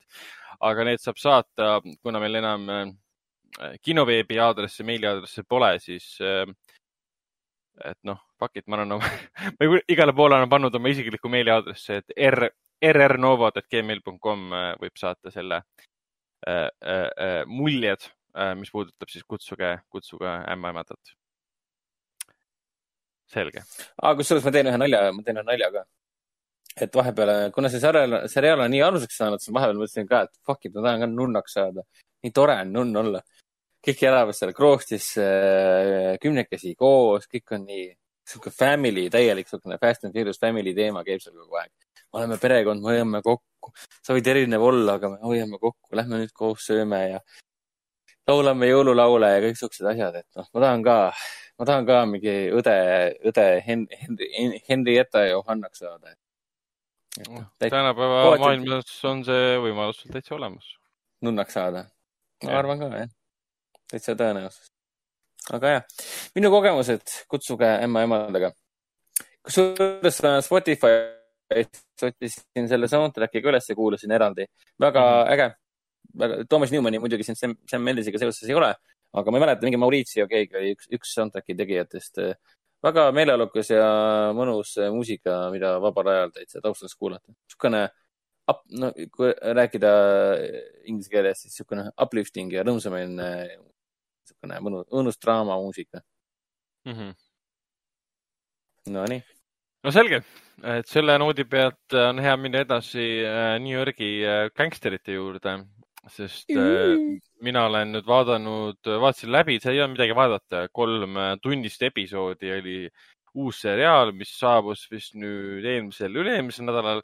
nimi on selle siis Fear City New York versus Mafia, mis on, ütleme, seal ei ole uut infot. kui sa oled natukenegi New Yorgi maffiaga kursis olnud, on see siis läbi mängufilmi, dokumentaalfilmide, seriaalide, mida iganes siis äh, see seriaal või noh, miniseriaal ei anna mingit uut ülevaadet. pigem ta annab sellise huvitava võib-olla sissevaade nende inimeste poolt, kes üritasid siis äh, neid, palju neid oli, neli maffiapead või? üks, kaks, kolm, neli, viis, kuus maffiapead, et Gambino, Colombo, Bonanno, Lucchese ja Genovese maffia perekonnad siis, perekonnad pead maha võtta. et sa saad nii äh, maffiabossid ise põhimõtteliselt endast midagi ei räägi, aga on need FBI agendid. Ja kuus erinevat siis äh, rühma tehti, kes siis uurisid, äh, jälgisid siis kuut erinevat maffiabossi äh, perekonda ja nende siis kunagised uurijad räägivad nüüd siis, olles oluliselt vanemad, kui nad olid toona, sellest, kuidas nad siis viisid lutikaid sinna majadesse, kuidas see süsteem töötas, lutikate viimine. Ja sul on alati üks professionaal, kes teab, kuidas asi käib ja ja, aga eks ta, ta muutus väga kiiresti kuivaks ja põhjus oli tegelikult äh, väga lihtne, sest sul lihtsalt, kui kaks osa jutti on kogu aeg rääkivad, pead sulle rääkinud, et me panime lutika, me panime lutika, me panime lutika, me panime see lutika. ja siis sa kuuled neid tekste, mida tüübid räägivad, siis äh, see muutub igavaks võiks nagu eeldada, et kui sa räägid New Yorgi maffiast, äh, kuuest kurikuulsamast, maailma kurikuulsamast maffiabossist üldse, siis seal on mingi suurem intriig sees, seal on selline, selline põnevus sees kasvõi, kasvõi seksikana kujutamine seda, sest nad ise, kui see, kui see suur Mafia Commission trial toimus New Yorgis, eh, siis nende kaitsjad omakorda üritasid näidata seda maailma palju seksikamana. Eh, et mitte, mitte teha seda nii nagu, üritada siis võidelda siis New Yorgi enda vastu, kes nende siis süüdistajad näitasid seda kõige rõvedamat poolt, hullumeelseid tapmisi aga mis oli huvitav, mida mina nagu ei teadnud, oli see, et New Yorgis oli kuus maffiabossi kes tegid kokku ühe suurema ettevõtte, mille nimi oli nagu commission. ehk see tähendas seda, et New Yorgis. no nii-öelda board sai kokku omavahel, leppis kokku, mida me järgmisena teeme. et teist okay. maffiaposti ei saanud tappa, kui commission kokku ei tulnud ja võtnud selle otsuse vastu. ükski suurem äh, tegu ei läbinud, äh, ei tulnud lihtsalt pähe ühel maffiapostil, et teeme selle ära, nad rääkisid ikka teistega läbi. ja mida siis äh, ta võeti nagu. päris Rico... mingi seadusetu jamps ei olnud jah? Äh,? ei, et Rico, Rico case oli see, Rico case, äh, ma sellest Rico case'ist ka midagi väga ei tea, mida see Rico üldse tähendab, aga põhimõtteliselt nagu ma selle seriaali põhjal sain aru ja noh, Dark Knightis oli ka Rico case'iga võeti vaata see äh, maffia tüübid äh, selle Aaron Eckerti poolt ju äh,, Harvey Denti poolt viidi, viidi kohtusse, kus on hästi palju erinevaid äh, maffia tüüpe ja selle eesmärk oligi see, et sa võtad kogu maffia maha ja süüdistad kõiki vandenõus. Kuna vandenõu seisneb siis selles, et nad kõik töötavad ühe nii-öelda organisatsiooni heaks ja nad kõik on selle organisatsiooniga kaudselt seotud, järelikult kõiki saab süüdistada. ja, ja selle koha pealt oli nagu huvitav, et kuidas see maailm tegelikult töötas ei, seda ma ka ei teadnud, et New York oli toona ikka noh, täiesti läbi imbunud äh, maffiast. et iga viimane kui nagu selline majanduslik äh, haru seostus maffiaga, oli see siis äh, linnaehitus näiteks, mis puudutas betooni ehitusettevõtted ja kõik see betooni vedamine ja üldse nagu konkreeti, kõik see ainult läbi maffia et põhimõtteliselt linnas ei töötanud ükski ettevõte, mis ehitas kuskil mingit kõrghoonet, mis ei olnud maffiaga seotud ja, ja see oli päris huvitav. Donald Trump käis seal läbi äh, äh, noh, arhiivikaadrid ja siis äh, Rudy Giuliani käis läbi, kes toona oli siis selle maffia case'i suurim äh, eestvedaja. tema nagu saigi kuulsaks sellega, et ta võttis need maffiabossid maha uh,. ei, ta on põnev, selles mõttes ta oli nagu tore ja, ja huvitav, aga ta on täpselt selline taustaseriaal, et sa teed süüa, jätad taustal tööle ja kuulad äh, rääkivate peade juttu. et visuaalselt seal midagi väga vaadata ei olnud kahjuks Äh, hästi palju korduvaid kaadreid ja kogu aeg kordati üle infot, mida sa juba teadsid tegelikult. mitte niimoodi, et üks info öeldi ära, vaata esimeses episoodis ja teises pead kordama.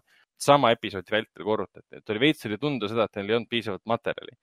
Samas materjal on seal olemas, aga neil polnud ilmselt ambitsioone, teha sellest midagi põnevamat ja, ja ägedamat. oota, aga, ainult kolm, kolm tunnist episoodi või? Äh, jah, kolme, kolm tunnist, no nelikümmend neli kuni kuuskümmend, kuuskümmend minutit umbes olid okay et okay. Äh, ta lihtsalt nii-öelda ajaviite meelelahutusena, ajaloolisena sellise, sellise peatüki vaatlemise mõttes täitsa, täitsa huvitav. Siis. kes selle äh, tegijad on, seda teada? otseselt mitte.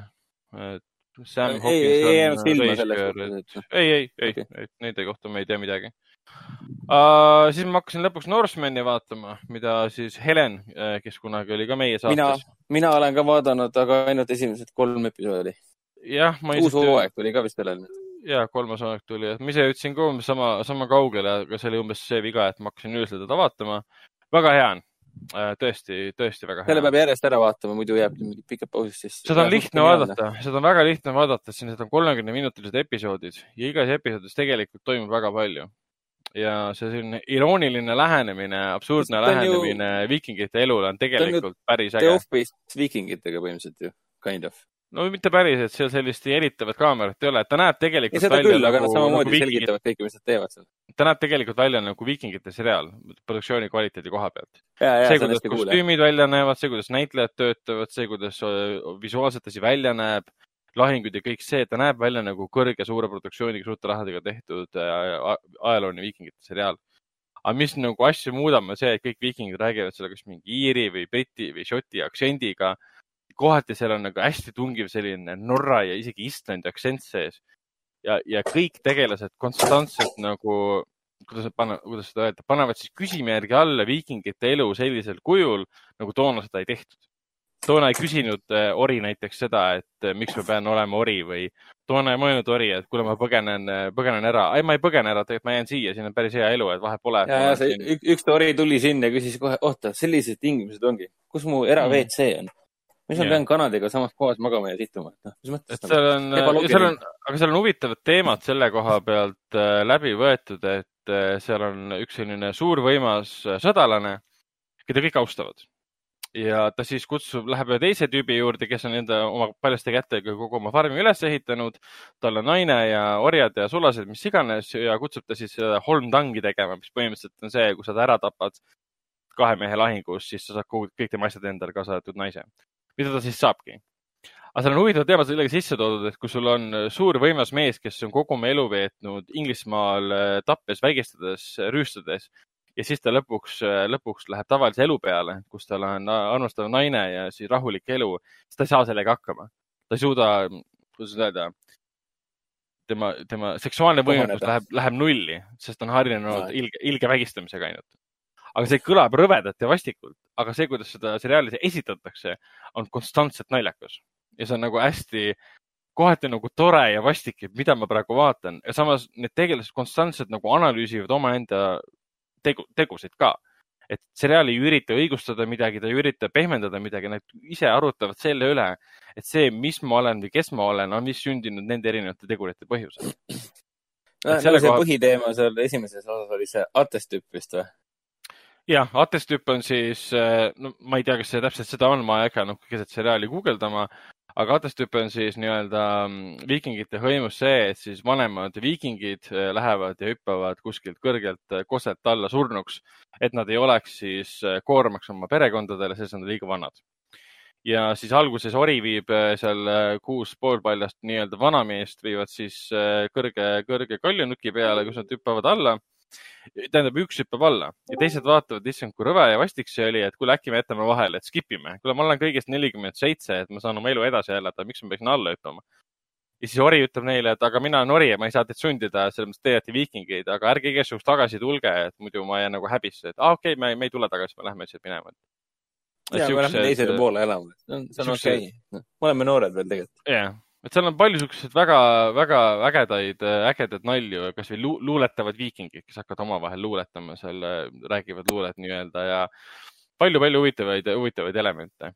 ja seal, kuidas ühe äpu, äpu abikaasa naine siis tuli ka mm, rüüsterhetkelt ja tal on siis munkade, munkade äh,, kloostri munkade siis peenised ripuvad kaelas niimoodi ja siis äh, tema äpust mees tuleb juurde, ütleb, et see on, need ei ole õiged peenised, sellepärast et äh, need ilmselgelt on liiga suured, et see ei ole võimalik, et äh, sa vist oled suurendanud neid või sa valetad või midagi laadset, et minul on nor- normaalne peenis, siis naine mingi naerab ja läheb nende peenistega peole kuskile.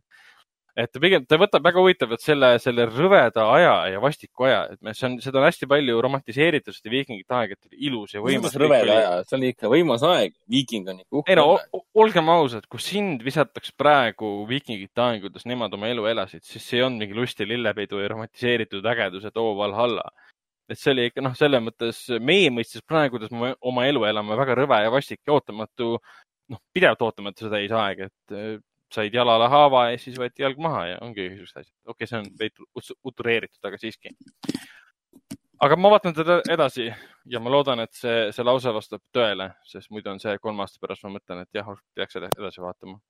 küll aga võtsin ette äh, puhtalt sellepärast, et meil olid siin äh, tormid, mitte nagu tormid, aga meil olid nagu palju välgutamist siin vahepeal ja, ja, ja müristamist ja su- suured tuuled ja siis tuli meelde, et ma ei ole ammu vaadanud Jan de Bonti filmi äh, Twister, kus on siis äh, Bill Paxton, Helen Hunt peaosades. Eestis ta vist oli omal ajal, ma ei tea, Keeristormi nime all näiteks., see VHS-i peal oli Keeristorm mm.. Jah, jah, jah. ja ta on tegelikult väga äge film. et tal on suht õhkõrnad karakterid, aga mi- mis ta nagu karakterid omavahel tööle paneb, on see, igale karakterile on antud teatud ülesanne. ta võib olla väga mõttetu karakter, kes ei tee tegelikult filmis midagi, seal on väga palju tegelasi, kes ei tee mitte midagi. aga neil on mingi üks ülesanne antud ja nad paistavad koheselt selle ülesande silma. et kus on näiteks Philip Seymour Hoffman mängib lihtsalt mingit tüüpi, kes on taustal, aga ta jääb sulle meelde selle tüübina, sest ta teeb seda lihtsalt sada protsenti ära. ja enamus karakteritega on täpselt niimoodi aga Bill Paxton ja Helen Hunt lihtsalt see, selle eh, filmi nagu stsenaariumi koha pealt, see on geniaalselt kokku pandud selle koha pealt, see on lollikindel. Sul on endine tormikütt, kes läheb oma endise naise juurde, et lahutuspabereid saada sinna allkirja. et siis sellele sel, elule sel, selg pöörata ja ära minna. aga muidugi tal see ei õnnestu, sest ta ei saa esiteks A, allkirja ja tuleb uus torm peale ja ta peab justkui kaasa minema koos oma uue naisega, tulevase uue naisega ja siis eh, nad tõmmatakse sinna nii, sõna otseses mõttes tunnete keerisesse tagasi, nad ühel hetkel mõistavad, et ah, me ikkagi kuulume kokku, mis olid meie hang-up'id, miks me üldse lahku läksime, kõik sellised, sellised asjad. okei okay.. aga, ja visuaalselt ka lihtsalt, ta, ta meenutab nagu siukseid, kuidas nüüd öelda, tõeliselt üheksakümnendate filme, kus tehti julgeid lahendusi ja, ja julgeid asju ja isegi kui sul ei olnud nagu head lugu või head stsenaariumit või sellist, sellist, see ei olnud nagu äge, äge katastroofifilm tegelikult, sest filmis ei ole tegelikult palju katastroofe, seal lõpupoole alles mingi maja lendab ja nad sõidavad autoga läbi maja ja siis sa näed seda oota, aga see on ju- see on F5 ju- keeristormi ja see on ju see film ka, kus see digitaalne lehm lendab seal ringi, eks? ja see oli päris hea tseen tegelikult, see polnud isegi mul meeles, et seal oli ju kusjuures samamoodi nagu see Into the Stormis, millest äh, Raiko rääkis, et nad kõigepealt jälitasid ühte tormi, mis ära kadus. Ja siis nad äh, läksid, läksid mööda sellist teed, kus mõlemal pool oli niisugune veeala või järv, tekkisid vesipüksid, mis läksid omavahel kokku.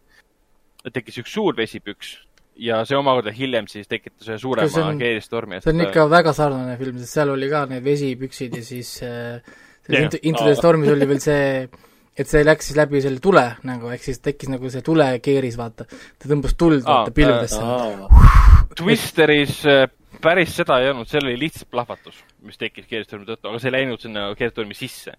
aga Twisteri mõte tegelikult oli film. päris, nojah, aga Twisteri mõte on filmi mõte on tegelikult päris kena, puhtalt sellepärast, et lihtsalt sul on Helen Hunti karakter, kes jäi oma isast ilma äh, kohe filmi alguses, me näeme, kui keeristorm sattus maja peale. miks ta ilma jäi, oli sellepärast, et see hoiatus, mis sellele eelnes, oli minimaalne, sa ei jõua reageerida sellele. Ehk siis naine pühendas kogu oma elu sellele, et ta õpiks selgeks, kuidas töötavad keeristormid, et suurendada hoiatusaega, et teistel inimestel eh, ei tekiks seda olukorda, mis temal tekkis.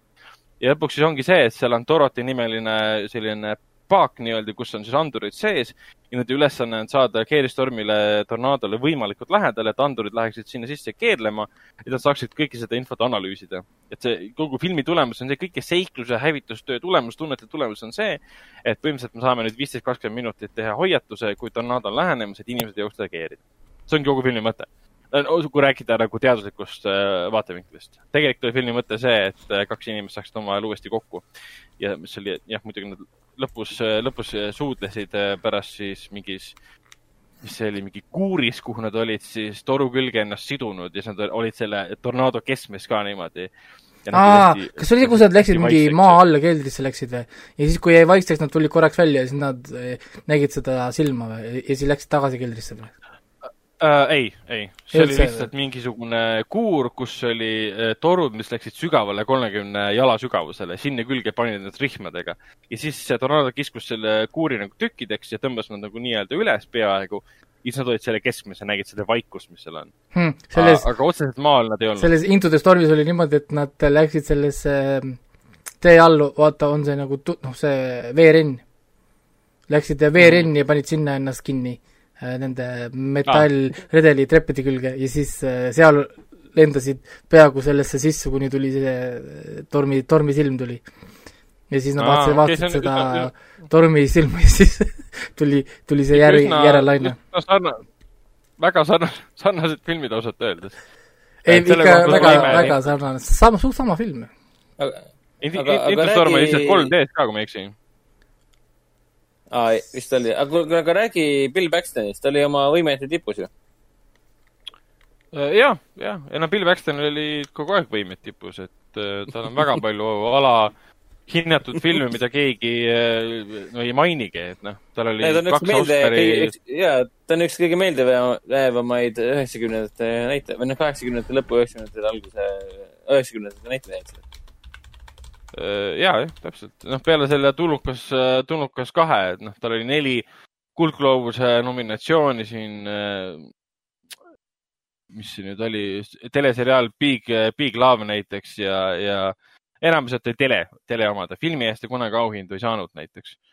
aga tal oli see, on tal oli, tal oli, mis see oli see eesti keeles, et takker, elu ja unistus. oli mingi asi, kus ta oli- auto, autotootja oli midagi taolist. Seal mängis äh, mitte Bill Paxton, vaid äh, see oli Francis Ford Coppola film ja seal mängis äh, Bridges oli seal vist või? Jeff Bridges. jaa, ja, ja, ja, ja, ja. aga Paxton ju, vaata, aga Paxton ju lavastas ka selle Matthew McConaughey'ga selle üheksakümnendate lõpu filmi vist, selle Frailty õuduka. ja, ja see ei olnud üldse halb film tegelikult. McConaughey, Paxton vist seal ise ei mänginud või? mängis aga küll, keda ta mängis seal? ta mängiski seda isa. aga kes see McConaughey seal oli siis? McConaughey karakter äh, oli siis selle poisi, selle isa siis äh, poeg, kes läheb ise. FBI juurde ja räägib ära, et tema isa oli veendunud, kellel oli siis kaks poega, et inimesed on teemonitest äh, seestatud, röövis neid ja poegadega tappis neid. Ja mm -hmm. seda, see oli nii sünge film, et omal ajal mitte keegi ei tahtnud seda teha, aga Bill Paxton võttis selle ette ja lavastas selle ära. ja see on tegelikult üsna kõrgelt hinnatud tagantjärgi, et omal ajal kriitikud sellest siljas ei olnud. ma ise mäletan, nägin seda kunagi mingi TV3 või Kanal kahe kaudu ja tegelikult oli väga sünge ja hea film, et, et ilmselt midagi taolist, mida keegi Bill Paxtonilt ei oodanud. aga jah, Paxton on meie hulgast, meie hulgast lahkunud aastal kaks tuhat seitseteist, oli kuuskümmend, kuuskümmend üks. tema viimaseks nii, mis tal oli siis need viimased meeldejäävad rollid? tal oli viimane seriaal oli tal Training Days teleseriaal Ah.. nojah, okei. ei, tal viimased filmid oligi siin The Circle ja Mean Dreams ja ma ei tea, ta mängis Exozombit äh, Call of Duty Advanced Warfare'is. no see vist väga ei loe. ega ausalt ei tal- mäletagi ühtegi Paxtoni, ma ei tea, nagu sellist vii-, viimaseid suuremaid rolle. Tal oli päris hea roll selles äh, Tom Cruise'i Emil Blunti filmis Age of, Age of Tomorrow näiteks. oo oh, jaa, jaa, muidugi. karjuvat, karjuvat kaptenit. twist, twist, Twisteri enda, enda suhtes on see, et Helen Hunt oli ikka väga ilus naine või noh, on tegelikult väga ilus naine. et need rollid, mis talle ikka kukkusid, ikka sa hääldasid. valesti, ta on hunt, Helen Hunt. ei, ta on Hunt. Nagu see Ethan Hunt. nagu Olivia Munn on tegelikult Olivia. jah Ethan Hunt jah, no. Ethan Hunt. aga, aga mis selle filmi kohta veel öelda, et kindlasti, kui, kui igatsete võib-olla sellist klassikalist Hollywoodi, nii nagu ta oli üheksakümnendatel, siis see on absoluutselt igaühele. pluss ta peabki ilus välja nägema, sest, sest on Jan de Bonti oma. Sest Jan de Bont on eelkõige tuntud ikkagi, ikkagi operaatorina. ta siin võttis üles, mis ta võttis üles, kiiruse võttis üles või tähendab, kiiruse ta lavastas, vabandust, aga ta oli näiteks, ma kohe loetlen, mis filmide oota, Jan de Bont. ta oli Hand- Jan de Bont lavastas esimese kiiruse või? kas ta teist nüüd Jah. ei lavastanud ainult või? ta lavastas äh, teise kiiruse ka. ei, minu meelest esimesel ja teisel kiirusel on kaks erinevat lavastajat. Äh, mul on sulle väga kahju seda öelda, aga teise kiiruse On. Speed kaks Cruise Control äh, Racer on ka Jan de Bont. päriselt või? miks ma nii veendunud olen, et erinevad režissöörid olid? ei, ei, ei, me oleme veendunud võib-olla sellepärast, et Speed on suurepärane film ja siis Speed kaks on nagu, ma ei, mis juhtus. et see ei saa olla sama reisijal, kes tegi Mm. Twisteri ja, ja Speedi. aga Jan de Bonti, Jan de Bonti karjäär on selles mõttes reisijana läbi. Ta ise tappis selle ära filmidega Speed kaks üheksakümmend seitse, The Haunting üheksakümmend üheksa, mis oli kohutav rämps ja Lara Croft Tomb Raider The Cradle of Life, mis oli siis teine osa äh, selle, selle Angelina Jolie Lara Crofti filmidel, mis ei olnud ka kõige parem, et tüüp ei olegi tegelikult aastast kaks tuhat kolm Mida- mida- filmi. mida sa, mida sa sonid praegu? Cradle of Life oli esimene osa. ma, The Haunting ei, Cradle of Life on teine, aga mis siis, et Haunting oli halb ja, ja nii edasi, aga ta siin, Lara Croft oli väga äge film. kahe tuhande kolmanda aasta kohta oli teine Tomb Raideri film ikka suur ja metsikult äge La-. Lara Croft ja Tomb Raider, Cradle of Life oli nii hea film, et inimene pole aastast kaks tuhat kolm ühtegi filmi lavastanud. see on kindlasti näide sellest, et see oli hea film. ei, see oli omal ajal okei okay film, aga ta hea nüüd kindlasti on. aga no, jah, ta tegelikult aga mina, ma küll mäletan, et ma vaatasin seda ikka liiga palju uuesti. sest noh Mm. ma olin noor ja mulle meeldisid äh, videomängud. jah, aga ei, Twister on, Twister on, Twister on äge, äge film ja tal on äge, äge reisijal. ja, ja kui selle kuskilt leiate, siis soovitan kindlasti ette võtta. aga aga- liigume edasi. me eelmises podcast'is rääkisime ju sellest ka, aga me ei pea seda uuesti, uuesti mainima tegelikult, aga võib mainida. et sellele tuleb ju teine osa. Re-, reboot, remake sellest?, Joseph Kosinski, Joseph Kosinski palgati Ja, ja, ja. lavastama remake, reboot, mis iganes asja Twisterist. Kosinski on siis see mees, kes äh, praegu siis lõpetab vaikselt äh, Top Gun Mavericku, mis on siis tippkuti ehk Top Guni teine osa Tom Cruise'iga. Kosinski tegi ka Tron Legacy näiteks ja, ja siin Miles Telleri ja Josh Broliniga siis äh, Only the Brave'i näiteks et ta on hea reisijal tegelikult, aga uudis, et Twisterist on vaja teha remake'i või teist osa. eh, see nagu kellele? et eh, võib-olla üritad nagu näidata, et Gearstormi ja action filmid võivad jälle lahedad olla, nii nagu vanasti olid, aga see, see žanr on ära tapetud juba siin Roland Emmerichu, Emmerichi ja paljude teiste poolt, et eh, vaatame, mis sellest, sellest saab Kosinski võiks hoopis Tron Legacy'le järje teha ja on kõik noh. mm.. Aga mainime siis äh, filme, mis alustasid nüüd, alustavad, tähendab kolmekümne esimesel juulil Eesti kinodes. suurematest äh, megafilmidest alustavad näiteks Trollid kaks, mis, mis tegelikult pidi, kui ma ei eksi, märtsis juba tulema kinodesse. märtsis, märtsis jah. ootas oma aega rahulikult ja nüüd jõuab kinodesse eesti keeles ja, ja saame, Eesti lapsed saavad eestikeelse lubasiga seda vaadata. eelmises saates juba Raiko ütles ka, et Raiko jookseb seda esimesel võimalusel lastega vaatama. eks ju, Raiko? praegu on jah plaan, et no mitte päris homme, onju, aga arvatavasti äkki nädalavahetuseni siis äh, jõuan nii kaugele, et nendega minna linna. Nad küsivad küll juba, et mhm. noh, millal ja kuidas ja tahaks juba tükk aega kinno minna. ja nüüd on siis äh, see kaua oodatud äh, moment, kus kohas trollid tuleb ja siis eriti tütar on muidugi siin, et, et äh, ta on juba ostnud neid hommikul LB-d ja igasuguseid kindermunad ja tooted on ammu juba ju, trollid ja popid ja värgid. aga multikat ennast ei olnud. oota trollide hommikuhelbed on olemas või? ma olen ikka nii võõras selles maailmas. kõik asjad on juba lastel ammu juba, trollid on peale kleebitud igale poole. igasugustest McDonalds einetest on käinud läbi kõik trollid, need on terve hunnik igasuguseid trolli neid äh, noh, neid kujukesi äh, igal pool on ühesõnaga kõik mingid nätsud, värgid, särgid, mingid äh, Youtube ides on igal pool, nad vaatavad ja otsivad ja ja siis pidevalt on, miks meie ei näe trolle, no ma ütlesin, pole eesti keeles ei ole veel, noh, ja nüüd tuleb, ehk siis mm. trollid me vaatame ära, jah. ma loodan, et lihtsalt see nädalavahetus äh, jõuab ka, kuidagi väga palju asju on korraga, et et, et leiame selle aja no, ja käime, käime kinos ära ja, ja vaatame siis, mis see, mis see popi nüüd teeb, kui sinna see rokker tuleb või see punker või kes sinna tuleb selle Trollid kahe, ma ei ole teda muidugi näinud, reklaammaterjalis häirib see, et niisugust äh, rokkarit metallisti kujutatakse sellise halva ja negatiivse karakterina, kes rikub ära kõige ilusa. et ma tunnen, olen väga puudutatud sellest, et äh, see kuidagi tekitab lastele niisuguseid halbu, halbu äh, tüpaaži sellest, et mida, mida tähendab rock ja metal Uh, kinodesse jõuavad veel siis muidugi Russell Crowe film Unhinged ehk Pidurdamatu, mis on sada korda kolm korda edasi lükatud. ja nüüd jõuab lõpuks. see on siis, see on siis, see on siis film, mille kohta võib ka öelda, et ainuke asi, mis selles filmis on pidurdamatu, on Russell Crowe söögiisu. Äh, see viitas siis Russell Crowe äh, väga täidlasele olemusele, äh, mis on tal selles filmis. ei, ta näeb väga äge välja, ta näeb, mis asja, sa ei pea kogu elu olema välja, nägema välja nagu Maximus. keegi mäletab Maximuse täispikka nime või? Maximus äh,, Maximus, Decimus, Meridius, something, something, something yeah. et jah, enne kui see Gladiator kaks kunagi välja tuleb, siis minu meelest Russell Crowe võib nautida seda elu, nagu ta tahab seda nautida.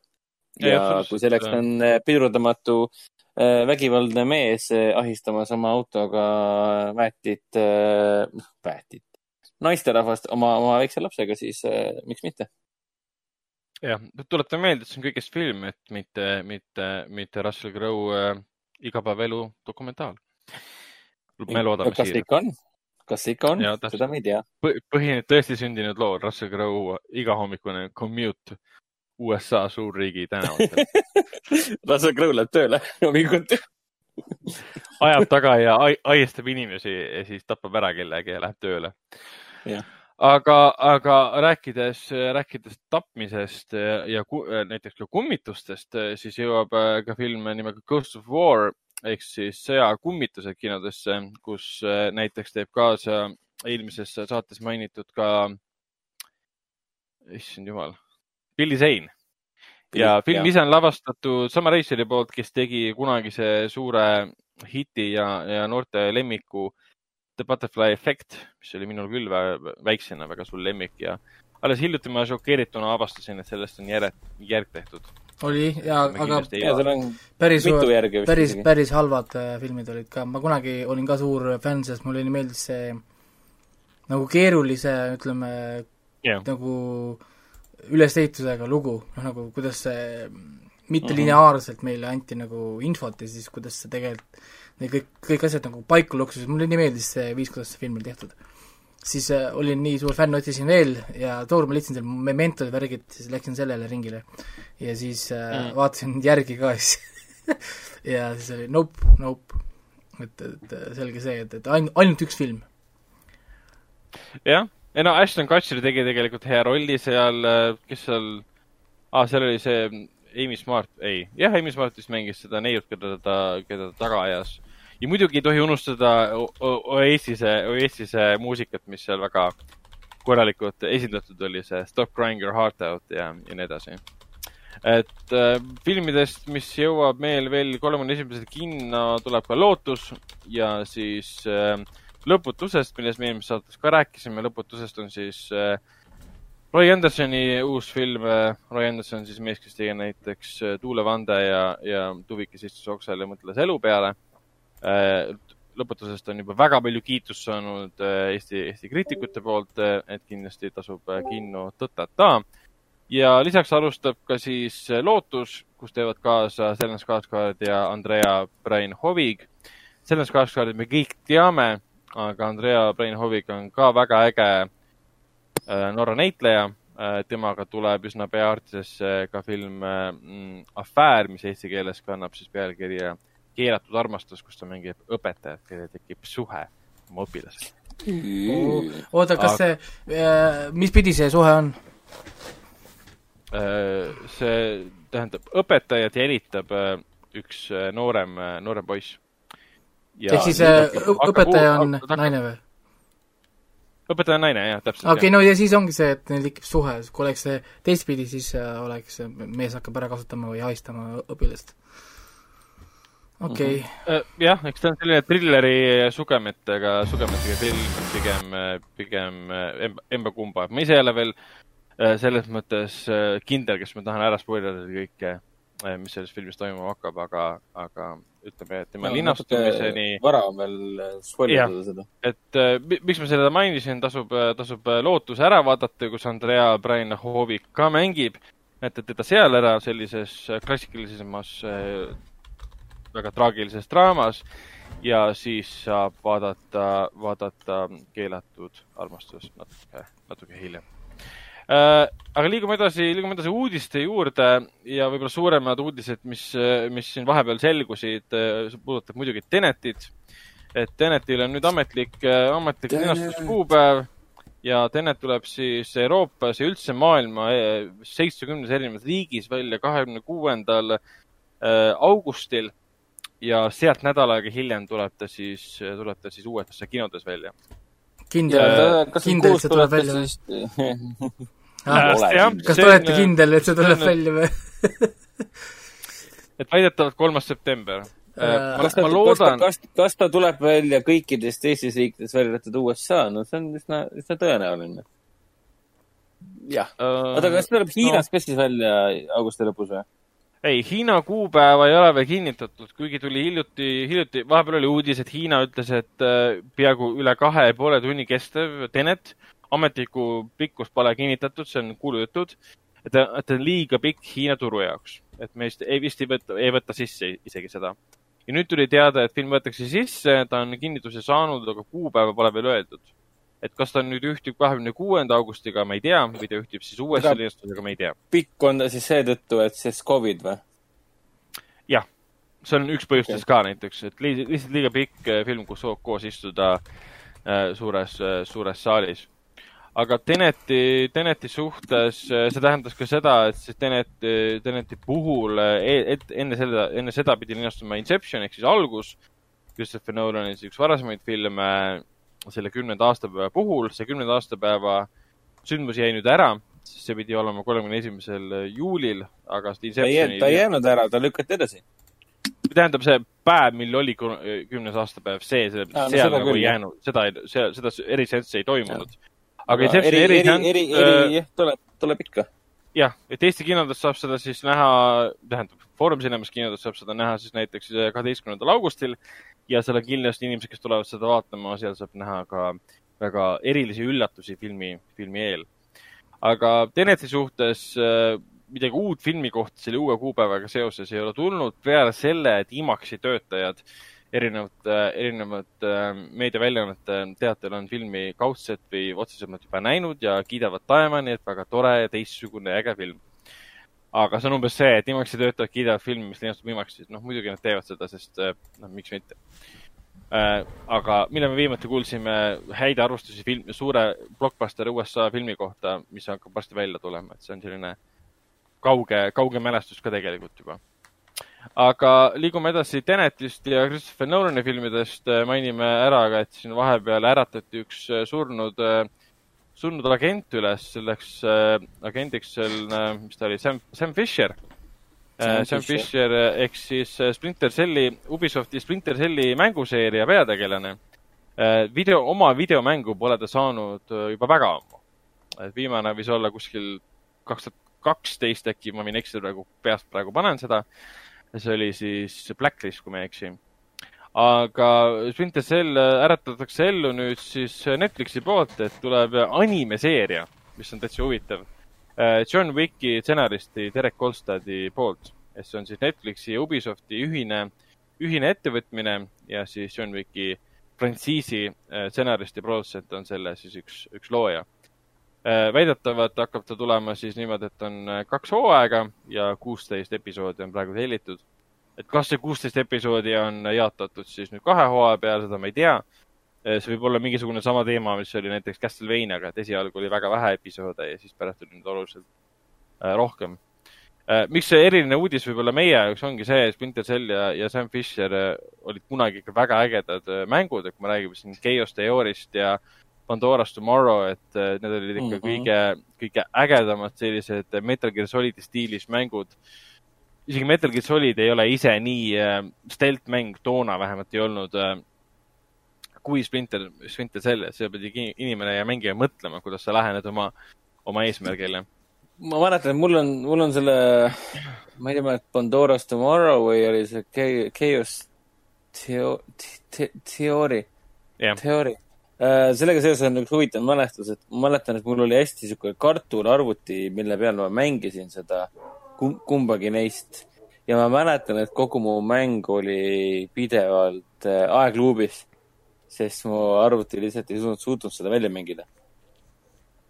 jaa, see võis olla päris täitsa tõsi. et, et kuidas me, kuidas me sinuga koos siis mängisime ka, kuidas ma põgenesin vaenlaste eest või hiilisin, siis kõik oli mega aeglane. ja nii huvitav on mega aeglaselt põgeneda hästi kiires äh, situatsioonis vaenlaste eest. et see on mul siiamaani mm. meeles hmm.. Äh, jah, et Raiko, kas sul on, kus, kas sul on mõt-, mõtteid selle kohta, et milline, milline, milline, kas üldse peaks olema animeseriaal äh, Splinter Cell? ei, Splinter Cell on väga hea anime jaoks just, minu arust on ta just parem valik kui live action mm. -hmm. sest see sobib väga hästi anime stiilidega, ütleme, siin on ma, ma mõtlen nüüd, ma mõtlen kohe niisugust, äh, üritan aeg meenutada, näiteks Psycho Passi moodi seda, seda saaks teha väga hästi. Mm -hmm.. Psycho Passi stiiliga Splinter Cell oleks väga-väga hea asi, mida vaadata. aga noh, ma räägin, et anime puhul nagu noh, iga asja puhul sõltub nii palju, millise stuudio sa saad, mis äh, lavastaja sa saad, mis stiili sa valid, sest noh, äh, võib-olla noh, tavainimene ei tea, kui ta mõtleb anime, ta mõtleb Naruto peale, on ju noh mm., aga kui saaks visuaali näidata, võiks teile näidata viiskümmend erinevat äh, stiili, kuidas noh, animet tehakse. noh no,, see on, see on, nendel, noh, neid on nii palju erinevaid noh, nagu viise ja üldiselt sa tunned ära stuudiot selle järgi, kuidas sa noh, sa näed pilte, ahah, okei okay,, see on see stuudio, see on see stuudio, noh nagu mis kohad keegi nagu teevad. Splinter Cell, noh, võiks mõelda, et see oleks action, on ju. noh, aga tegelikult mm. ei ole ju action, Splinter Cell on tegelikult ju story driven uh, stealth game ja, ja rohkem selline uurimine ja muud asjad et action tegelikult on isegi teisjärguline seal kui äh, muud asjad. nüüd ei teagi, noh, anime on hea mõte, mind väga huvitav, kuidas, kuidas, kuidas nad seda teevad, et see John Wicki, see, see oli John Wicki stsenarist või? jah, stsenarist ja produtsent, see, me oleme temast äh, viimasel ajal päris palju räägid, rääkinud, sellepärast et temaga seostuvad kogu aeg mingid pidevad uued uudised, et ta teeb mingit uut no, seriaali. jah, sest ja... John Wick on ju geniaalne ehk siis no, nojah, ta on popp, äh, popp, äh, popp inimene. ta ja, on see Hitmani äh... teleseriaal kirjas, tal on Cause'i stsenaarium praegu, tal on Continentali TV-series, mis on siis äh, John Wicki, John Wicki Continentali põhjal tehtud seriaal. Neil oli mingi, kas neil mingi, kas neil John Wicki mängu polnud development'i või? arvuti, arvuti äh, oli küll, John Wick, John Wick Hex oli küll, mis oli selline poolülevaates käigupõhine mäng äh,, mitte otseselt okay. action mäng. no, no jah, et, et, et nad äh, suutsid, tabasid äh, märki, tegid väga hea asja, et John Wick yeah. oleks ka väga hea anime tegelikult. jah, absoluutselt. see on Nicolas Jaa, ka väga ma-, väga hea anime. et tal on, tal on jälle selline hästi hea tasakaal äh, action'i ja ja mm., ja nagu story vahel. mis, mis ongi tegelikult, mida anime otsib, et ütleme nagu noh, samamoodi nagu inimesed vaatavad, noh, Naruto nad ainult kaklevad või, või umbes see Dragon Ball Z nad ainult kaklevad kogu aeg. Tegelikult ei ole nagu, et kui sa hakkad osade viisi jagama, see on jagatud põhimõtteliselt fifty-fifty. noh, sul on kakskümmend episoodi sügavat character'i ja siis on sul on kakskümmend episoodi nagu kaklust, ehk siis nagu John Wick on, sul on nagu kümme minutit story't, kümme minutit nüüd põhimõtteliselt one cut, mingi ultrasuur äh, action scene, kümme minutit on story'd, saad aru, noh, nad kogu aeg niimoodi nagu noh, vahetavad seda, et see Splinter Cellile sobiks tegelikult väga hästi. Et mm. -hmm. et ma isegi kujutan seda ette nagu tegelikult juba nagu teatud momente mängust, kui kihvt tegelikult võiks olla animena. aga muidugi noh, nüüd ongi see, et, et äh, minu esimene mõte oli kui see uudis tuli, et äkki see ergutab Ubisofti nii-öelda jaa, kusjuures mul äh, mängu, mänguseeriat nüüd tagasi tooma. et äkki loobuks nüüd sellest Far Cry'st, laseks puhata võib-olla mõned aastad, laseks puhata võib-olla siin Assassin's Creedidel ja, ja mõnel muul ja vaataks võib-olla Prince of Persia ja näiteks äh, sellesama Splinter Celli poole uuesti korraks. absoluutselt, jah. ja ma loodan, et äh, kõik äh, siis maailmas äh, nüüd väga Splinter Celli janused fännid siis jooksevad tormi selle Netflixi seriaalile, kui ta välja tuleb ja näitavad siis Ubisoftile, et näed, tegelikult see huvi selle seeria vastu pole kuskile kadunud, lihtsalt te ise olete vait olnud ja vaiksed olnud, et äh, ei ole enam märganud seda nõu- No. no., nõudlusi võib-olla. noh, vaata, see on see suurte ju ettevõtete asi, et kui mingi asi ei tooda kohe mingisugust teatud summat raha, me lükkame selle kõrvale mm.. teeme neid asju, mis toodab meile kohe raha ja nüüd, noh nagu täna, noh nagu ehk siis sellepärast me näemegi, noh, miks nad lüpsavad seda a la Watch Dogsi, Far Cry'd ja Assassin's Creed'i. Ja loobusid Prince of Persiast ja muudest, sellepärast et need ei tönninud neile kohe nii palju, kui nad tahtsid ja kuskilt tuli käsk, et davai, teeme hoopis midagi muud samal ajal tegelikult Jah. nad, nad olid tegelikult edukad mingi muu ettevõtte raames, nad oleks väga edukad, lihtsalt nagu suurkorporatsioonid töötavad niimoodi. EA on samamoodi, mis iganes, noh, suured ju tegijad ja mitte ainult noh, mängudes, ka filmides. samamoodi suurtel stuudiotel on mingid filmiprojektid, mis ei lähe kohe nii, nagu tahavad, nad loo-, nad loobuvad. sest neil on mingid suured mm. frantsiisid, mis on nende jaoks kindel raha. Noh, kindel nii-öelda nagu asi ja nad suunavad rohkem energiat sinna, kui riskida kogu aeg mingi uute ja väiksematega ja noh, nagu nojah, miks olla, miks olla nagu uus ja julge, miks teha uusi ja julgeid asju, mis on ähm, risk-, riskantsed, selle asemel, et teha midagi uut, mida vana ja, vana ja sellist läbikatsutud no,. see on naljakas, sest Splinter Celli seeria kunagi oli vana ja läbikatsutud, ta oli edukas. Aga lihtsalt tehti vaikus sisse, sest see, noh, kvaliteet hakkas tal endal ka langema. no neil kadus ära neil oli, neil neil said ideed otsa, ütleme. mingil määral juhtus sama asi Jah., just nagu juhtus Mission Impossible'il mingi vahe, vahepeal, et nad ei suutnud nagu hoida seda, mis tegi Mission Impossible'ist Mission Impossible. kuigi nad nüüd nüüd said tagasi selle nagu, ehk siis käisid korraks minu arust nagu, tegid oma ära ja nüüd on nagu kvaliteet ainult kasvab või noh, nagu kuidagi suutsid nagu Jah. järjele saada, ehk siis minu arust Cell ka natukene liiga vara jäi pooleli et nad ei andnud minu arust piisavalt võimalust, näiteks vaata, kui palju võimalusi antakse näiteks Call of Duty'l. Mm. kui palju kordi see mäng käib üles-alla, noh et äh, ma ei tea. aga võib-olla see on isegi, isegi hea asi, kui me vaatame, mida Ubisoft on vahepeal teinud oma mänguseeriatega, et võib-olla siin Splinter Cellist oleks saanud ka mingisugune, mingisugune Ghost Recon äh, Breakpointi stiilis äh, mäng, mis on katkine, poolik ja tühi ja kõik vihkavad. Aga selle asemel tuleb, see võib veel tulla, me ei tea seda, aga tuleb võib-olla midagi hoopis teistsugust mida me kõik armastame. Ghost Recon, kas saaks hea filmi teha näiteks? Ghost Recon võiks olla huvitav sari tegelikult. see seriaalina nagu, nagu näiteks see Amazoni, Amazoni Jack Ryani seriaal, lihtsalt yeah. sul on et mingid tunniajased episoodid, rohkem kus äkki-, kus sa võtaks iga tunniajane episood oleks nagu üks Ghost Reconi mäng. noh, nagu no näiteks, absoluutselt töötaks. äh, väga pull oleks tegelikult ju niisugune kuus-seitse episoodi äh, hooajas. absoluutselt, need äh, minu arust kõige lähim äh, Ghost Reconile, mis sarnaneb, on võib-olla kunagi, ma mäletan, jooksis oli Dennis Haysbertiga The Unity nimeline seriaal, mis oli väga taktikaline selle koha pealt, kuidas tüübid The Unit, jaa, ma oota, mäletan. kunagi oli jah., kas see SWAT oli ka kunagi, kunagi mingine sari või?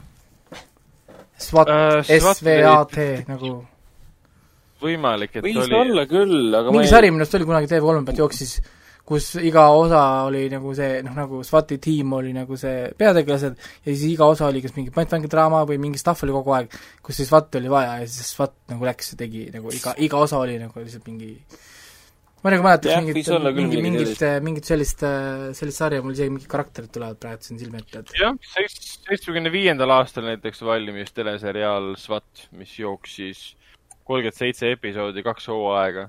See võis küll olla, et mina Aa. mäletan nagu kunagi TV3-s, kui ma olin nagu väike, ma kunagi või noh e,, vist oli EVTV või mis nad seal olid, need mis nad kunagi Mhm. seal on, noh, oma nimes muutnud seal. ja ma, ma vaatasin, minu arust oli täitsa kihvt või noh, nagu jälle nagu noh, istud vaatad ja, ja noh, ilmselt eh, iga asi ei peagi olema väga sügav või, või, või põnev, noh nagu noh, niisugune kokku sobitatud, vaid sa võidki teha vahepeal niisuguseid sarju. et iga osa on, iga osa on rünnakrühma- action noh, vaatad, kuidas professionaalid teevad mm.. vennad lähevad peale, löövad jalaga uksi maha ja, ja murravad seal ja, ja kaklevad ja tulistavad, kuule, et kes ei tahaks seda näha. noh, hea rünnakrühma seriaal oli ka muidugi äh, Michael Chiklis'e see Ah, The Shield. Shield issand, see oli nii kihvt. see see oli väga, See väga, väga äge. kuskil maalt veits hakkas kordama ennast, siis mind hakkas veits häirima nagu. aga, aga esimesed mingi paar, paar hooaega oli lihtsalt nagu vau wow., aga Jaa. The Shieldi kõik episoodid on olemas näiteks Amazon, Amazon Prime, Prime videos. kuule, ma siin vahepeal otsisin seda pa- äh, Butterfly efekti kohta, sest ma- mul tuli kohe ilge isu vaadata uuesti. ise mõtlesin, ma olen nõus isegi, isegi terve selle triloogia kohe ära vaatama. sest et, et need äh, filmid sealt teised äh, on nagu nad seal on, on ju. aga mitte Mhm. ühtegi saiti ei ole, mis näitaks minule seda ametlikult jälle Eestis. isegi Prime videos ma ei saa rentida ilma VPN-ita, mis on nagu veitsa veider. Äh, kes selle tootis üldse? et ma ei tea, kes seda ütleb, pa-, pa-, Paramount ma pakun. et isegi PlayStationi peal Paramount. äh, ei näita mulle seda Butterfly efekti mitte ühtegi filmi. mis on nagu noh, mingi, mingi, ai, Newland Cinema. palju on Cinema või? et äh, ma leidsin ka selle, et neil on mingi see on Warneri oma siis. et, äkki ta on HBO Maxis? et see on, neil on see remake tul-, keegi teeb praegu remake'i, teeb Butterfly efektist. Et IMDB-s on mingi täiesti- projekt käimas, remake ongoing uh, production, The Butterfly efekti remake. see ei ole, kas sellist, sellist tulevikku me tahtsimegi? ei, seda ei ole. sest see film oli minu arust ju küll noh, nagu nii hästi paigas, et miks sa seda uuesti teed? noh, nagu miks sa ei tee filmi uuesti, mis esimesel väljatulemisel läksid nihu? Ja sul oli näiteks I- Iia raamat, nagu algmaterjal oli tegelikult hästi hea ja populaarne, lihtsalt film oli halvasti tehtud. võta see, tee see uuesti. miks sa võtad filmi, mis oli juba üliedukas film ja hästi tehtud, kiidetud film, nüüd sa tahad teha seda uuesti. miks sa seda teed uuesti? see juba õnnestus ju. võta No, see, võta see mingi mis iganes, nagu siin oleks vähe neid näiteid, kus on hea raamat või mingi hea stsenaarium, aga film on lihtsalt halb. sest lihtsalt äh, nä-, nägemused, asjad läksid, läksid mööda. Nii et äh, sama hästi jah, sa võid Tony Tar-, Tony Tarko ette võtta, et teeme sellest uus no,. versioon jah, täpselt, miks, mille jaoks? tee, teeme Sean, Sean Jah. Shanki Redemptioni uuesti. nagu miks, miks sa teed? noh, et võt-, võta, võta, võta mõni nendest ebaõnnestunud projektidest seal, mis seal, kus äh, pandi mööda seal ühe, teise, kolmanda, neljanda asjaga, et noh, sest enamus Hollywoodi asjad ei ole ju originaalsed tegelikult asjad ju, nad tahavad ikkagist juba ju mingit asja, mis on ennast juba tõestanud, mingi raamatu või mingil muul meediumil viisil, sest noh, uute asjadega ongi see, et noh, kes see suudab seda nagu müüa ja reklaamida piisavalt. tahame ikka juba, keda kõik teavad, keda me tunneme, mingit noh, kuulsat asja juba, mis garanteeriks sulle teatud arvu publikut nii-öelda, et sa saaksid selle raha tagasi kiiresti. Hmm. nii et äh, jah, jah, aga, aga jõuame, jõuame tiiruga tagasi anime ja Netflixi juurde, sest meil on üks uudis veel, mis seostub äh, anime ja Netflixiga kaudsemalt. nimelt äh, siin aasta alguses räägiti, et äh, ka Witcherist on valmimas Netflixis nüüd äh, animeseriaal. ja nüüd siis hiljuti tuli välja teade, et lisaks äh, eelmisel aastal ilmuva The Witcheri siis teisele hooajale on hetkel töös ka siis äh, Witcheri eellugu The Witcher Blood Origin, mis leiab aset siis tuhat ku-, tuhat kakssada aastat enne Witcheri, Witcher, Witcher, nõidur Geralti mm, elu, Witcheri sündmuseid. ja see lugu siis tegelikult räägib sellest äh, kaugest minevikust, kui, kui need haldjad ja triaadid ja kõik need maagilised olendid elasid kuskil mujal, sest Witcheri seriaalis ja raamatutes ja mängus käib ka läbi see conjunction of the spheres, et mis, mis nii-öelda maailmad põrkusid kokku, nii-öelda erinevad dimensioonid äh,. Ma ei tea, kui kaugel Hendrik äh, Witcher kolmes on, ma ei saa seal seda teatud asju mainida. kaugel aga äh, dim-, dimensioonid põrkusid omavahel kokku ja sellest dimensioonidest, dimensioonidest tulidki nii-öelda Witcheri maailma, fantaasiamaailma, kõik need koletised. ja põhimõtteliselt see seriaal hakkaski rääkima sellest kaugest-kaugest minevikust, mis juhtus enne seda sfääride kokkulangevust. mis on väga tüüpiline samm praegu Netflixi poolt, et selline, selline tuntud fantaasialugudele e-lugusid teha on praegu populaarne, et kas me siin räägime siin Amazoni mitme miljardi dollariga valmivast äh, sõrmustisanda eellugude seriaalist. Äh, või siis troonide Kule... mängu. no täpselt, troonide mängul, äh, troonide mängul on kaks tükki, kui ma ei eksi nüüd, või lõpuks üks läks lõpuks töösse. üks kukkus läbi ja teine on see Targaryenitest jah, Targaryenite oma nüüd praegu see kästitakse, otsitakse näitlejaid. see oli seesama asi, mida nad, mida nad mainisid ka selle Stranger Thingsi kohta ju kunagi, et nad tahavad teha eellugu sellest, kuidas need võimetega lapsi asju seal tehti ja otsiti ja leiti ja kuidas see ühesõnaga noh, mina loodan, et nad ei tee seda muidugi, sest noh, hetkel pole seda nagu vaja. jah. ma ausalt öeldes ma olen veidi üllatunud, et nad sellise sisulise, sellise sisuga projekti ette võtsid nüüd Nõidurist. Et üks juba oli see paganama anime versioon, mis on tulekul alles. see peaks ju tulema enne Witcheri teist, teist hooaega. Aga sorry, aga ma, ma, ma ei tea, miks ma, kas, kas, kas meil on üldse, kui räägime ainult Netflixi Witcherist, kas sellel Netflixi Witcheril on siis juba nii palju sellist publikut, kes nii väga tahab teada saada, mis varem on juhtunud? no aga Witcher oli maailma kõige pop päri... populaarsem teleseriaal, ehk siis no on jah ja,, aga, aga ah. samas see seriaal ise ei tutvustanud nii palju elemente Eh, mida, mida kõik tahaksid ilmselt teada saada, kuidas miski alguse sai. aga mõtle selle peale. kuidagi vara on see kuidagi, et ma ei. aga, aga kas sa ütled seda kolme-nelja aasta pärast uuesti? sellepärast, et järgmine aasta tuleb teine hooaeg, mis tekitab janu veel juurde Witcheri maailma kohta, siis hakkab kolmas hooaeg töösse minema vaikselt. ja kuskil seal vahepeal tuleb see animeseriaal välja, siis tuleb see eellugude seriaal. et kui ja... sa nii vaatad neid klotte läheb see kokku. ei no animeseriaal tuleb näiteks... nüüd esimese ja teise vahel minu teada, nüüd siis see ja. uus seriaal Blood Origin tuleb siis äkki teise, eh, teise ja kolmanda hooaja vahel. see on kõik väga mõistlik, see on äri, ma saan sellest ja aru, siin on veel üks asi, mida meie ei tea äh,. äkki on CD Projekt Redil ka in development midagi, mida meie ei tea veel. Sest äh, ja, ja. väga, väga, väga tihti on ju asjad, mis noh, ei need käivad nagu koos, see on ju nii tavaline, et mingi suur PR-agentuur, mis organiseerib PR-i ühele teatud brändile, lepib juba varakult kokku niimoodi, et videomängu paneme mm -hmm. selle mhm. karakteri, sest film tuleb selle aasta lõpus bla, bla, blablabla, on ju, nüüd nemad teevad seda pre-, prequel story't just selle jaoks, et just sel hetkel, kui see ilmub, tuleb äh, announcement, et CD Projekt Red on töötanud open world äh, Witcheri mängu kallal, mis on tegelikult prequel sest see sobiks väga hästi, sest äh, Cyberpunk kuulutati ju välja millal? poolteist aastat peale Witcher kolme või? või oli kaks aastat? sada kakskümmend aastat tagasi. nojah, et, et äh, ehk siis ongi, me saame nüüd selle sügisel kätte Cyberpunki, see tuleb siin kahe, kolmanda hooaja vahel, ehk siis aasta-poolteist peale seda, Cyberpunki on, tuleb äh, reveal, et näed, et tegelikult CD Projekt Red teeb hoopis äh, Witcher prequel mängu, sest Witcher nelja tegelikult nad teha ei saa veel ju. kas neil on content'i üldse teha enne Witcher nelja või? tegelikult äh,, mis ma mõtlen, tegelikult oleks. Nad saaksid teha eraldi series lugu. Siin silmas muidugi pidama seda, et nad ju ikkagi, kui siit praegu Reedi mängud, esimene mäng oli äh, järg kogu Sapkovski raamatuseeriale.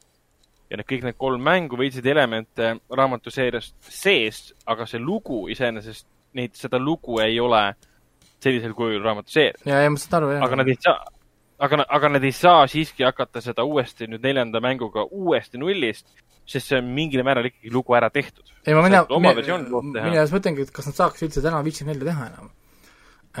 noh. Äh, ainult siis, kui nad äh, mõtlevad ta välja selle koha pealt. et eraldi tehakse Siirist, äh, Siiri näiteks peategelane ja mõeldakse uus vastane talle, uus maailm ja kõik siuksed asjad. et see, see on täiesti võimalik, aga kas see läheb kokku nüüd Sapkovski plaanide, soovidega, võib-olla ka temal on tulemas uued romaanid, me ei tea seda, viimane romaan, mis keelde tõlgiti, oli vist midagi kaks tuhat seitseteist, kaheksateist, mis oli lühilugude kogumik. Et võib-olla tal on tulemas uued romaanid, võib-olla see kõik seostubki nüüd, et Witcher neli tuleb välja ja, ja hakkab kuulutatakse välja, selgub, et see põhineb kolmel uuel romaanil, mis on Sokovskil tööl, töös, me ei tea seda, et no ja et see, et selle koha pealt ma et, olen jah, Raikoga nõus, et et see poliitside taga peab toimuma et me, me nagu ei tea jah, et nad omavahel suhtlevad seal kindlasti. ju keegi vahendab ei, seda midagi. kogu infot, et kuulge, näed, et kirjanik hakkas tegema prequel'i, see teeb Project Red teeb prequel'i, me nüüd otsustasime, on kuskil PR-kompaniis ära, et me toetame ja teeme siis PR-i, et äh, see on nüüd järgmine suur asi, next big thing kahe aasta pärast, et me hakkame juba siis äh, töösse panema ka Netflixi oma poolt mm. siis nüüd, saad aru. et üldiselt need kipuvad käima nagu niimoodi. noh, niisugune mm. nagu äh, süsteem. et see pole kunagi juhus, et a la mingid videomängud, koomiksid, sarjad, äh, filmid, kõik tulevad nagu mingi pooleaastase raami sees millegipärast kõik, samast asjast mm sest see on see hetk, kus nad, kus, kus on nagu plaanitud ja in-, inimesed on pannud palju tööd sinna. et, et kui mina seda mm. uudist nägin, et see tuleb prequel, siis mina kohe, Elvirast esimene mõte läks, et hmm, huvitav, kas äh, see, CD Projekt Red äh, teeb siis ka võib-olla avatud maailmaga prequel'i? sellest, no sellest palju, palju vihjanud ka, et tegelikult äh, mingid jutud räägivad, et see on ikkagi tulemas mingil kujul vot, aga sellest saame pikemalt rääkida, kui see reaalselt juhtub. Lähme viimase uudise juurde. vahepeal kuulutati välja Veneetsia filmifestivali filmid, ma mõned noppisin sealt välja. Veneetsia filmifestival toimub siis teisest septembrist kaheteistkümnenda septembrini. see on praegu ainuke suvine filmifestival, mis toimub füüsiliselt, selles mõttes suvine, et suve järel toimub siis festival koos suvega, mis toimub füüsilisel kujul. et nüüd Toronto filmifestival kuulutas ka oma filmid välja ja see toimub ka füüsilisel kujul aga see on tore näha, et Veneetsia ei ole selle koha pealt alla andnud äh,. mida ma vaatasin, noppisin sealt välja, et näiteks on tulemas siin Catherine Waterstone'iga, keda me teame näiteks Fantastic Beasts and Where to Find Them, selle järjest, me teame Tunukas Covenantist teda äh,. ja siis Vanessa Kirby'ga, keda me nägime siin The Crownis ja äh, selles äh,, noh, see no. Hobbs, Hobbs and Shaw filmis. jah uh,. Jah, ja Casey Affleck tuleb siis Western uh, The World to Come näiteks uh,. siis jõuab ka näiteks Frances McDormandi uus film, McDormand, keda me teame muidugi vahest kõige rohkem nüüd tänu siis Martin McDonale ja filmiks oli siis kolm reklaamitahvlit, reklaamtahvlit Ebbing, Missouris, mis sai sinna hulgi Oscareid ja üldse suurepärane film.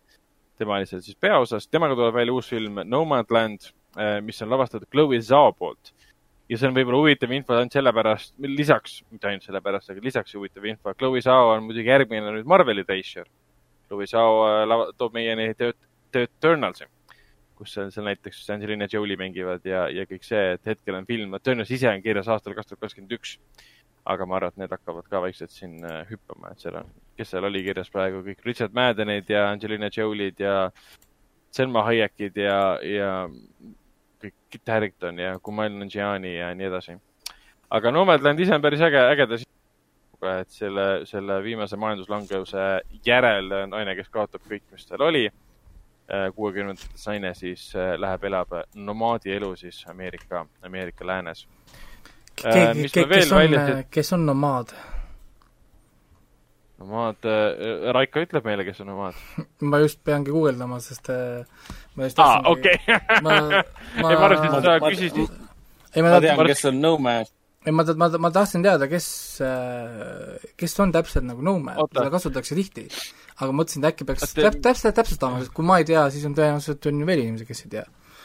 ehk siis nomaad on, äh, see ilmselt pärineb kuskilt steppide kandist, termin ma pakun välja kas on nomaadi siis hõimud, kes liiguvad ühest punktist hmm. teise, neil on kõik, kõik eluks vajalik kogu aeg kaasas. või on see nomaadi elustiil, nomaadilik elustiil. nii, ma nüüd saingi teada, et ja. nomaad on äh, prantsuse keelest tuleb sõna ja see tähendab äh, mm -hmm. inimene fikseeritud elukohaga äh,. ehk siis see on inimene, kes liigub kum, nagu kogukonnast kogukonda või asukohast asukohta ja muutes seda asukohta siis endale sobivaks jälle mm. -hmm. ehk siis äh, nagu noh, põhimõtteliselt nagu mustlased siis oleks või? umbes, et, et nad korjavad kogu oma kamba, liiguvad uude kohta ja siis teevad selle uuest kohast, kuhu nad iganes lähevad, teevad sellest uuesti oma nagu community sinna. kuni nad jälle liiguvad edasi. okay. nojah, Eh- siis võib ehk siis, ehk siis see tuligi kunagi siis sellest, et kui need Ameerikat mindi nagu avastama, siis valitigi välja nii-öelda need osavad inimesed, kes siis käisid, tegid nagu kogukondi, vaata. Vähemalt ma loen siit praegu Wiki mm, -hmm. Vikipeedias, neid nimetati siis nomaadideks, sest nemad kunagi ise ei jäänud ähm, nagu paigale. ta läks kuskile kohta, aitas inimestel kõik üles saada, tegi mingit, saad aru, noh, ühesõnaga tegi setup'id ära, siis võttis oma hobuse ja läks, aga ma nüüd lähen ja saad aru, mingi selline. ehk siis nomad, vähemalt Vikipeedia nii väidab. et saime nüüd targemaks korraks. okei okay. oleme, oleme, oleme targemad, väga, väga hea uh,. Uh, lisaks uh,, lisaks jõuab siis jõuab siis Veneetsia filmifestivali ka näiteks Kiyoshi Kurosawa uus film. Kiyoshi Kurosawa on siis mees, kes tegi jõudlusfilmi nimega Kairo ehk siis Pulss mis, mille tehti ka siis USA remake Kristen Belliga ta tegi ka näiteks, näiteks siis draama Bright Future'i, ta tegi siis ka draama Tokyo Sonata, mis omal ajal võitis siis kõik väga hinnatud filmid. Cannes'is uh, Uncertain Guard auhinna näiteks. ja tema uus film siis uh, Wife of a Spy, mis on siis selline romantiline, romantiline triller. see on armu kadedusest, ma mingi hetk lugesin, lugesin, lugesin selle kohta, keegi soovitas ja siis ma jäin lugema et ma saan aru, et see on siis klassikaline ar-, seal hullumeelse armu kadeduse story mm. -hmm. et Nice. no Väga le, Jaapan. le, leiab aset jah, siis neljakümnendate sõja, neljakümnendatel siis, siis teise maailmasõja äh, aegses äh, Jaapanis. et see on äh, mis seal oli, mees, mingi värk oli, et mees jätab naise maha, on ju, ma üritan praegu kiiresti meenutada, me, me, ta jättis mingi, millegi põhjusel oma naise maha, ma nägin kuskilt seda sünopsist ka, et äh, lä- jättis oma naise maha, et minna kuskile kohta mingit asja tegema, mida ta ei saanud teha millegipärast koos oma naisega, siis ta näeb seal midagi. Mingi sündmus, mingi tapmine või mingi asi, mis on eriti julm, brutaalne, ja siis see seostatakse selle mehega, see sündmus ja siis see liigub nagu kuuljuttudega või kuidagi tagasi tema naise juurde, sealt hakkavad siis tema naisel hakkavad tulema sellest mingid probleemid. ja, ja, ja mingid kuidagi sellega seotud mingid asjad. et mm, -hmm. et, et äh, jah, niisugune mingi asi oli sellega ja ma mõtlesin, kus ma seda vaadata saan ja siis tookord selguski, et see film pole veel kuskil näha, sest äh, alles tuleb. Ja täpselt ja kuusteist oktoober on ta siis äh, Jaapanis ja enne seda siis septembris, septembri esimeses pooles Veneetsia, Veneetsia filmifestivalil. mis ma veel ära tõin, on Shia LaBeoufi uus film Pieces of a Woman, kus lööb ka kaasa siis äh, Vanessa, Vanessa Kirby, keda me mainisime seoses siin The World to Come'iga ja see, mis Pieces of a Woman ise on siis lavastatud Summer Race'i poolt, kes tegi mõned aastad tagasi, kaks tuhat neliteist, White God'i äh,, ma ei tea, kuidas see eesti keeles oli, valge jumal nendes koertes, kes valutavad. aa, ma mäletan seda, jaa. mäletate seda filmi, see oli minu Jaa, väga, jaa. väga äge film ja ta oli ka Jupiter's Moon'i äh, reisijal. aa, jaa, jaa. äh, see tööline, kes sai võimed lennata vist või? jah, jah. aga uus mm -hmm. film on äh, selline tõsisem sa nii-öelda draama äh, leinavast naisest, kes läheb siis emotsionaalsele rännakule pärast oma lapse kaotust mm. aga lisaks Vanessa Kirby'le ja Shia LaBeouf'ile lööb seal kaasa näiteks Sarah Sarah Snook ja miskipärast minu lemmik, Sarah Snook või? jah, ja miskipärast ka siis Elisa Schlesinger. aga õnneks ka Ellen Burstyn, kes on väga andekas, äge, äge näitleja ja Sarah Snook on meie suur, suur lemmik siin tänu, tänu Predestinationile ja, ja tal on muidugi teisi äh, rolle siin vahepeal äh, ka olnud, et. ta hiljuti oli kuskil. tal on Successioni, Succession, vaata see Brian, Brian jaa, pole seda kunagi vaadanud. seriaal, mis on HBO, Eesti HBO-s täitsa, täitsa olemas, et siit, siit tuleb ka väike soovitus, et inimesed vaadake, ma ei mäleta, mis ta eesti keeles oli, Pärijad vist, kui ma ei eksi ta on kolm hooaega praegu jooksnud ja väga palju auhindu saanud. mis ma veel välja tõin, oli siis Andrei Konstalovski uus film Dear Comrades, mis siis räägib kuuekümne teise aasta Nõukogude töö, töö, tööliste massimõrvast Venemaa siis lõunapoolses linnas ma isegi ei hakka ütlema seda, sest see on, ma butšerin vene keelt. Aga see on siis äh, selles mõttes huvitav, et äh, Kontselovski oli ju sama reisijal, kes äh, sai hiljuti viimasel PÖFFil elutöö auhinna. ja tal oli ka film nimega Patt, mis rääkis siis, mis rääkis siis äh, Michelangelost, mida me käisime siis Michelangelo. äh, fantastiline film äh, ja muidugi ei saa, noh, kuidas öelda, mööda sellest, et ähm, äh, Kon- Kon- Kon- Konchalovski on sama reisijal, kes tegi ka siis ka Runaway Train'i äh,, mis on, mida me kõik mäletame kindlasti filmina, mis, kui ma ei eksi, andis äh, Danny Trejole võimaluse äh, särada. ja ta tegi ka siis muidugi Tango and Cashi äh, Kurt Russell'i ja siis äh,, siis Sylvester Stallone'iga äh,. fantastiline film jälle ja muidugi te tegite Odyssey äh, Armand äh, Assantiga, mida kõik ilmselt me noorena või lapsena nägime erinevate. tema oli selle looja või? tema oli selle, selle seriaali äh,, oli seriaali, ta oli kaheosaline film tegelikult. Mini- see- jah, jah.. ta oli telefilm. see mulle väga meeldis, see mulle väga meeldis, eks. ja, jah, tema tuleb uus film ja siis Quentin, Quentin Dupieux uus film äh, Mandibules. Quentin Dupieux on siis see mees, kes tegi kunagi näiteks selle Raberi, mis rääkis äh, inimesi tapvast, tapvast äh, rehvist. issand, see oli ka asi oli- ju, see oli ka ju see oli asi. geniaalne film, täiesti fantastiline tal, aga film. tal oli ju see Marilyn Mansoni film ka. Tal oli jah, kas see oli vist äh, Wrong Capsuli või oli see lihtsalt Wrong? midagi taolist, jah. ma lihtsalt, ma ei mäleta enam. et tal vahepeal tuli neid filme, ta tüüp on teinud põhimõtteliselt iga aasta uue filmi. tal pärast Rubberit tuli põhimõtteliselt jah, järjest igal aastal üks film. ja tal eelmisel aastal nüüd oli Deerskin äh, siin PÖFFil ka, mida ma käisin PÖFFil vaatamas äh,. kus on siis Jean Dur- Durejean peaosas näiteks äh,, sama näitleja, keda me teame siin Artistist näiteks, mis võitis siin ka vist parima reisijari Oscari Artist.. Michael, Michel Ha- Hazanaviciuse film äh, Äh, Deerskin oli täiesti absurdne hullumeelsus, mehest, kes on täiesti äh, obsessed äh, hirvenahast äh, rõiva vastu nagu haiglasel kombel ja, ja usub, et ta on filmi reisijal ja teeb filmi. ja siis meelitab ühe, ühe siukse naise endaga kaasa, kes vaatab kõrvalt, et milline hull inimene ta on. Tal on ülimalt veidrad filmid, aga need on nii jaburalt lahedad, et sa ei suuda nagu silmi ära pöörata või sa ei taha nagu, sa tahad näha, et kuhu see lõpuks välja jõuab, sest sa, sa, sa, Mhm. sa ei oota ja Raber oli samamoodi omal ajal, ma vaatasin seda, mõtlesin, et mis asi see on. mingi naine on duši all ja siis lihtsalt tüüp filmib äh, rehvi ukse vahel, mis nagu vaataks seda naist duši all, siis naine edasi duši all, rehv on hoopis toas kuskil. sest noh, jah, sest see on rehv, lihtsalt, mis vaikselt liigub.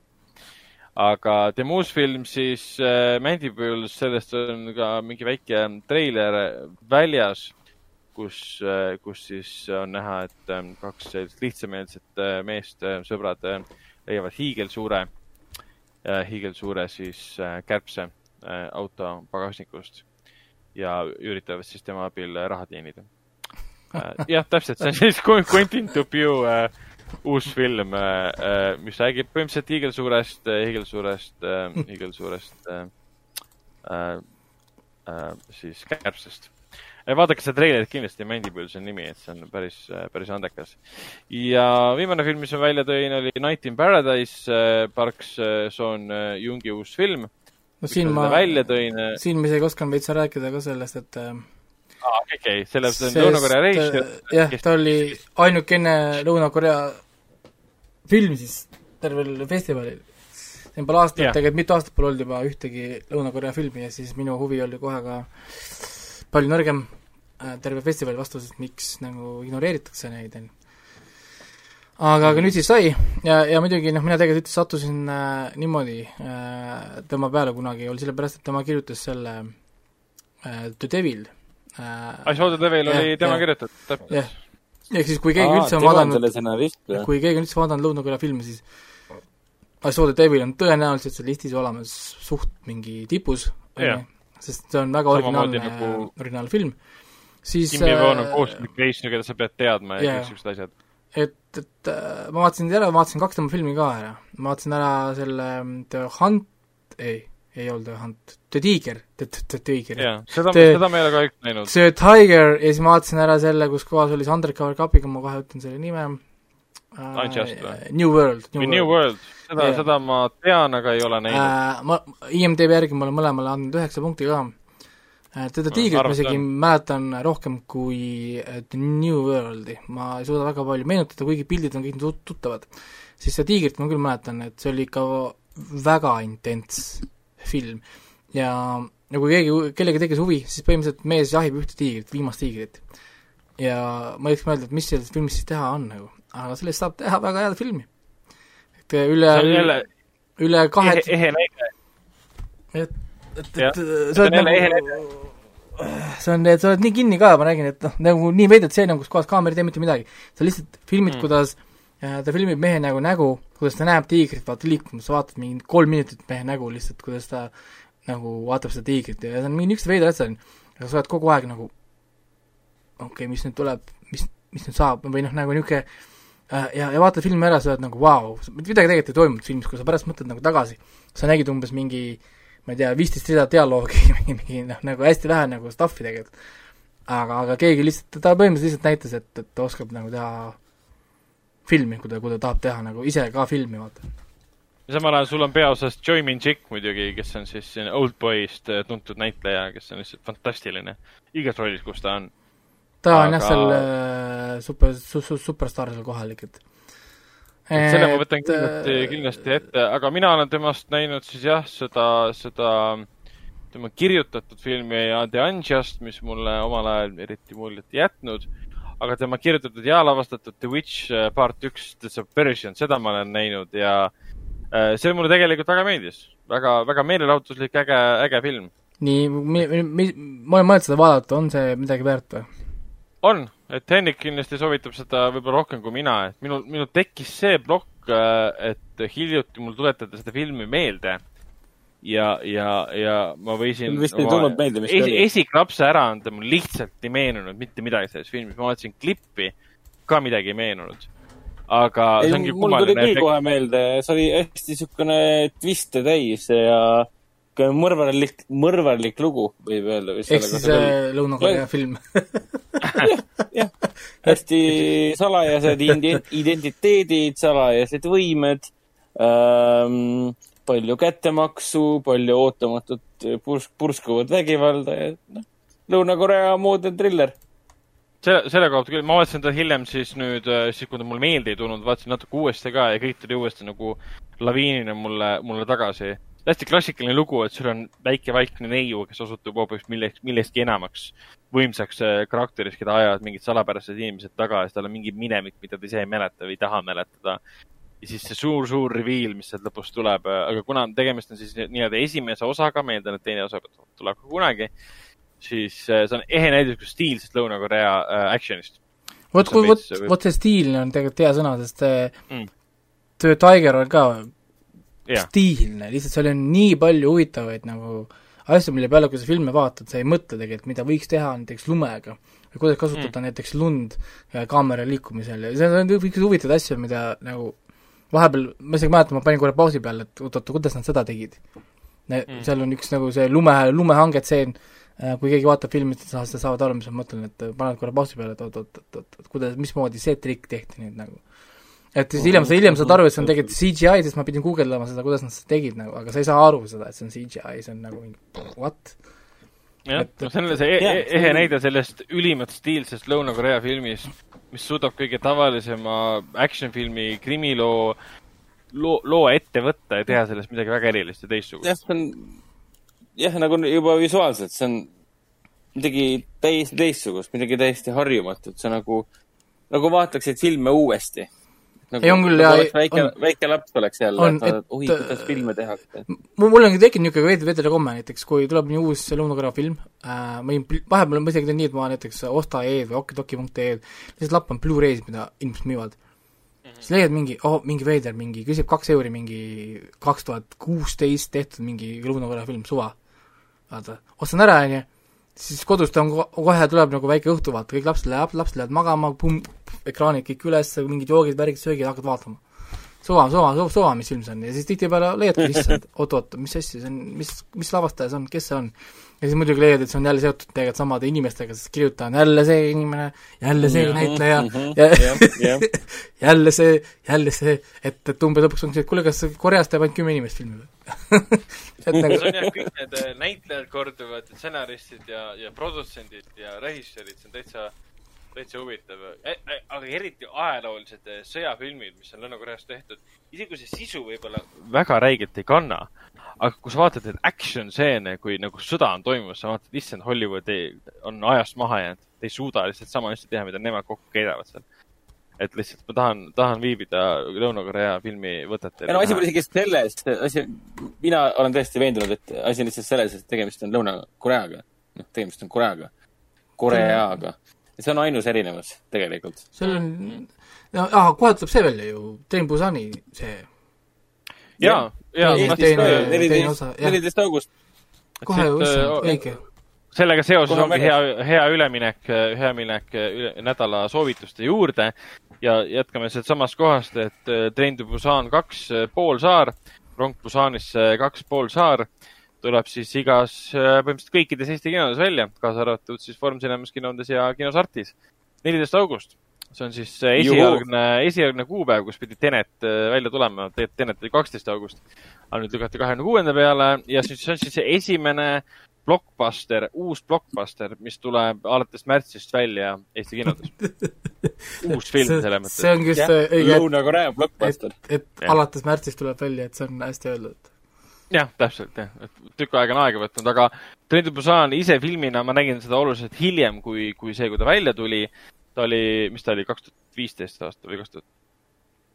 kus, kuskil sealkandis, kuskil, kuskil sealkandis, seitseteist äh, ta jooksis ka Artise ekraanidel ja, ja nüüd tuleb siis, nüüd kolm aastat hiljem tuleb siis äh, teine osa, mis on väga Ja äge. teine osa on ikka väga hoopis- teisest, teisest kuust. see näeb välja nagu kom- komöödia veits, mis on äh, mul on olevat väga natu- suure ampsu võtnud, väga ambitsioonikas. mul on natuke kahe vahel, et kui esimene film on põ- põhimõtteliselt puhas horror, thriller, niisugune film, nojah, ta on niisugune žanripuhas, meil on Jah. rongi, meil on rongijaam ja meil on zombid, meil on vaja põgeneda. jah, ja, Jah, ja, ja siis tehtud. nüüd, kui ma vaatan neid treilereid ja asju, siis teine tundub olevat niisugune veitsa komöödia kohati, mingi niisugune veider mul tekib automaatselt siin mingi George A Romero viimased zombifilmid ja see Paul W. Andersoni Resident Evil'i seosed tekivad. Neid klippe vaadates juba. vot ma ei tea, kas nad kuigi, nüüd kuigi ma ei ole ühtegi treilerit lõpuni vaadanud, ma täna või eile alles vaatasin ühte klippi. mitte klippi, vaid kli- klippi treilerist vaatasin, ma ei ole tervikuna treilerit vaadanud meelega. aga ma olen juba mingitelt piltidelt, promopiltidelt aru saanud, et seal tulevad juba mängu mingisugused äh, zombi surmamängud ja, ja ma ei tea, gladiaatorite heitlused ja jah. Ter terve kui poolsaar on esimene- zombide käes ja noh, jah. et kui esimene film oli nagu zombi äh, apokalüpsise algusest, siis uus film on nagu mõni aeg hiljem. ja siis, siis kogu maailm on põhimõtteliselt ja veits, veits Fury. Road äh, näeb ta juba kohati välja, et noh, jah, jah. jah, võib, võib ka nii öelda, jah. ma lihtsalt Aga- äh, loodan seda parimat, et ma lähen istun ja et, et mulle Jaa. näidat- näidatakse midagi, mida ma ei, äh, Lähen suurimasse saali nautima, lähme kõik koos vaatama siis seda, kutsume Rauno ka ja. ja, ja siis tuleb välja, et see on jõhker saast. aga see selgub, selgub juba siis, siis neljateistkümnendal. Kohe varsti, jah, kohe. augustil. kusjuures see selles klipis ma nägin, klipis ma nägin seda küll, et zombi, et need zombid näevad sama ägedad ja on sama fucking kiired kui seal Kingdomis, Netflixi ajaloolises zombiseriaalis. et see Hmm. oli küll veits ära, äratundmine, vaatasin, et kuule, need zombid on täpselt samasugused nagu Kingdomis. Pärast tuleb välja, et Train to template. Busan on secret sequel, on salajane järg äh, Kingdomile. päris pärast. Train to Busan kahest tuleb ka see lilleke, mis tekitab zombisid. aga miks ta aga miks ta võiks olla? miks ta ei võiks olla, jah, ma olen Jah. täiesti nõus sellega. täitsa ju täitsa, täitsa ju võiks olla. kas Ragnar vaatas nüüd lõpuni teise hooaja või? ei, ei ole vaadanud, et sa no... veits spoilitad mulle. Aga ma vist juba tegelikult kaudselt, ma teadsin tegelikult, et seal see taime teema oli. mul jäi ta keskel, ta jäi mul keskel pooleli. keegi keegi keegi, keegi ei armasta sind pärast sellist asja. sa pead vaatama Kingdomi ja. seda räägib He- Hendrik, kes mängib tal Last of Us'i mingi kolm kuud juba. jah, jah, tegelikult, tegelikult see on väga hea valid point selle koha pealt. samas, ma ei kurda, et kuigi ma olen praegu Võrus puhkusel, mõtlen küll, et oleks võinud PlayStation kahe, nelja kaasa ikka võtta. kusjuures äh, mina arvan, et minu, üks minu lastest lõpetab enne Witcher, Witcher kolm ära kui Hendrik. see on äh, täitsa, Ma täitsa võimalik, täitsa võimalik, jah. vot, aga väga hea zinger sulle. ah,. ma tahaks ka mingi võrdluse tuua selle, selle kohta, et millal mina Witcher kolme läbi saan. oo ei, oot, oot, mul on, Raiko mul, lapsed lähevad ülikooli selleks ajaks. mul on. tegelikult äh, veel parem, ma arvan, et Hendriku laps lõpetab ära ennem Witcheri kui Hendrik ise. jaa. ma, ma arvan, et ma saan, ma saan vana-vanaisaks selleks ajaks, kui ma Witcher kolme läbi saan. sa loed mingi raamat ära ja siis tuleb Netflixi seriaal otsene Witch, Witcher kolme oma, siis on vau wow.. ja, ja täpselt. nii, Hendrik pani selle peale kinni, läks, läks minema. Henrik pani äh, kaamera kinni selle peale, et, et Raiko talle puid alla pani. aga, mida me- läks mängima. jah, ei tuleb, loodan, et tuleb tagasi, ta arvab, et me kuulame, igatahes Võru on kaugel ja seal ühendust ei ole. loodetavasti tuleb Hendrik äh, tagasi, kui ta ei tule, siis äh, vaatame, mis saab. aga seitsmendast augustist alustavad siis näiteks äh, siin Foorum Cinemas kinodes äh, film nimega Puhkemaja ehk siis The Rental, mis on siis ähm, James Franco venna Dave Franco lavastatud film, mis on, kui ma ei eksi nüüd, tema siis jah režii debüüt ka mis on päris selle koha pealt ju huvitav, et see on lihtsalt Dave Franco lavastatud. Aga filmis ise löövad kaasa näiteks äh, siin peaosades on Dan Stevens äh,, keda me teame nüüd muidugi, muidugi siis äh, karismaatilise vene lauljana Eurovisiooni filmist äh,. kui keegi mäletab peast Eurovisiooni filmis äh,, mis oli selle vene laulja, Lion of Love'i laulja nimi issand, ei mäleta.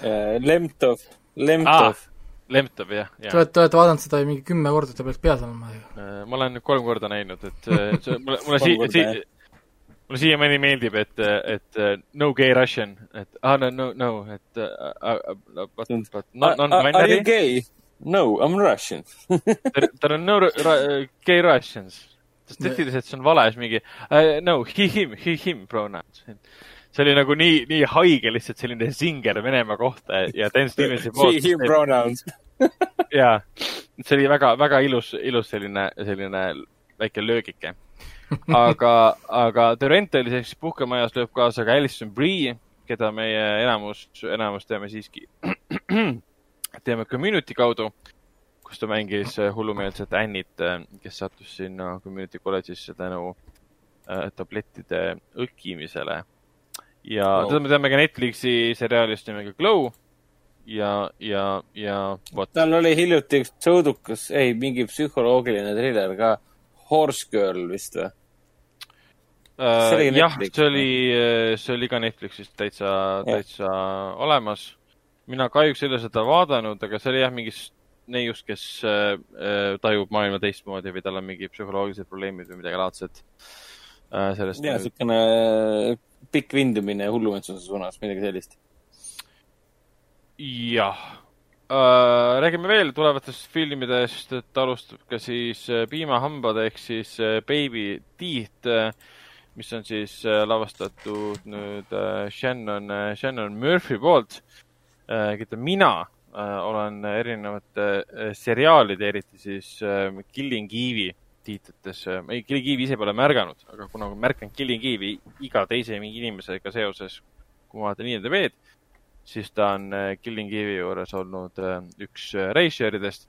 aga film ise räägib siis, räägib siis Millast, kes on tegelikult väga haige, haige teismeline nagu füüsiliselt haige teismeline, siis mitte lihtsalt haige teismeline, kes siis armub siis väikelinna siis narkodiilerisse see ongi tegelikult väga lühike tutvustus filmile aga võib-olla, võib-olla väga lahe asi, mida filmi juures mainida, on kindlasti see, et äh, kaasa teeb seal ka Ben Mendelson, kes on mm. -hmm. fantastiline karakternäitleja, keda me hiljuti nägime või siiamaani saame näha tegelikult Telia HBO-s, siis äh, Stephen Kingil äh,, Stephen Kingi romaanil põhinevas The Outsideris mis oli, mis ta nüüd eesti keeles oli, võõramaalane või kõrvalseisja vot et äh, mida veel tuleb kinno, on siis Keelutsoon, mis on siis, nagu ma aru sain, Vene õudusfilm noortest äh, matkajatest, mis satuvad, kes ei, satuvad, ta on pigem äh, triller äh, noortest, kes satuvad äh,, noortest, noortest, noortest matkajatest jah, kes satuvad siis Tšernobõli keelutsooni. jaa, täpselt, see oli see, jah, jah, jah. ja, aga okei okay,, nii, tahad sa pikemalt rääkida sellest või? ei, ma ei tea midagi sellest, aga tundub väga, väga äh, põnev kontseptsioon ja noh, Tšernobõl on alati teema. jah, et noh, Tšernobõlis mulle tundub, et inimesed nagu vägisi äh, tahavad äh, teha ikkagi jõudlusfilme äh,. noh, me nägime Tšernobõli seriaali HBO oma ja see oli juba õudus selle koha pealt. aga inimesed noh, tahavad ameeriklased tegid ja, ameeriklased ju tegid kunagi selle Tšernobõl Diaries, mis oli rämps. see oli päris äh, jura, aga jah, üks hea see uudis oli, see oli näkku sülgamine, nii. üks hea uudismäng on vii-, VR-i peal, kes tahab mängida, on ka, vist oligi The Chernobyl, vist oligi see nimi või? lühikene pool tundi kestev äh, õudus horror experience ja, ja ma olen vist kuulnud sellest küll. mm.. et, et see on, keegi käis Ja, päris ja, ja. Tšernobõlis filmis selle kõik sisse, kolmsada kuuskümmend mingid värgid, ja siis teedi, tehti seal veitsa niisuguseid samme ja kõndimisi ja, ja, ja niisuguseid erinevaid asju sa seal näed. veitsa ehmatab, Jah, aga aga, aga piisavalt, et on ju natukene hariv, on ju, sa näed nagu päris Tšernobõli, sa käid seal nagu päris nende majades kõikides nagu ringi, koolimajades, korterites saad ringi käia, suur töö on nende poolt ära tehtud, kes selle kõik selle üles filmisid ja nagu VR-i jaoks nagu tegid, ja siis on siis lisatud element, kuidas siis ööle, noh nagu öö vaata tuleb, noh nagu sa lähed sinna päeval, sa jääd maha oma sellest sõidust, sind unustatakse maha ja siis hakkad nägema stuff'i. Ah, et see on päris, päris hea, et ja kui oled üksinda kuskil äh, kodus, siis iga asi on kohe võimsam. on, on. ära hirmuta uh,. nii, mida me veel mainime? Me oleme, mida me oleme juba maininud, et Inceptioni eriseanss toimub siis, esimene eriseanss toimub siis uh, või noh, kõige erilisem eriseanss toimub kaheteistkümnendal augustil Foorumis Enemas kinodes. kas sa, kas sa Palm Spring, Springs, Springsi mainisid või? kohe, kohe, kohe mainin. Okei. Rahvusvahelise kaks mainisime ära, et neljateistkümnendal augustil alustab, see film. ja siis nii Foorumis Enemas kinodes kui ka siis kinos Artis alustab siis ka mm, Palm Springs, mis on siis, mis on siis ähm, Andy Sambergi uus komöödia, öeldes seda väga lihtsustatult äh,, mida tegelikult ongi, see on Lonely Islandi poolt isegi osaliselt äh, produtseeritud film, Lonely Island on siis see musikaalne äh,, mitte, mitte ainult muusikagrupp muidugi, nad on lihtsalt grupeering, kes teevad muusikat ja filme. Ärme, ärme unusta kunagi seda filmi, mis nad tegid iseendast. Tegid äh, Pop- omaenda Popstar fiktiivsest, fiktiivsest bändist tegid äh, veel fiktiivsema filmi. Popstar Never Stop, Stopping vist oli. Never Äh, stop igatahes-, never, ei oota uh,. Popstar, Never Stop See- Stopping. ei, see oli tehtud, see Never say never ehk siis Justin Bieberi dokumentaali järgi oli see tehtud. Popstar Never Stop, Never Stopping.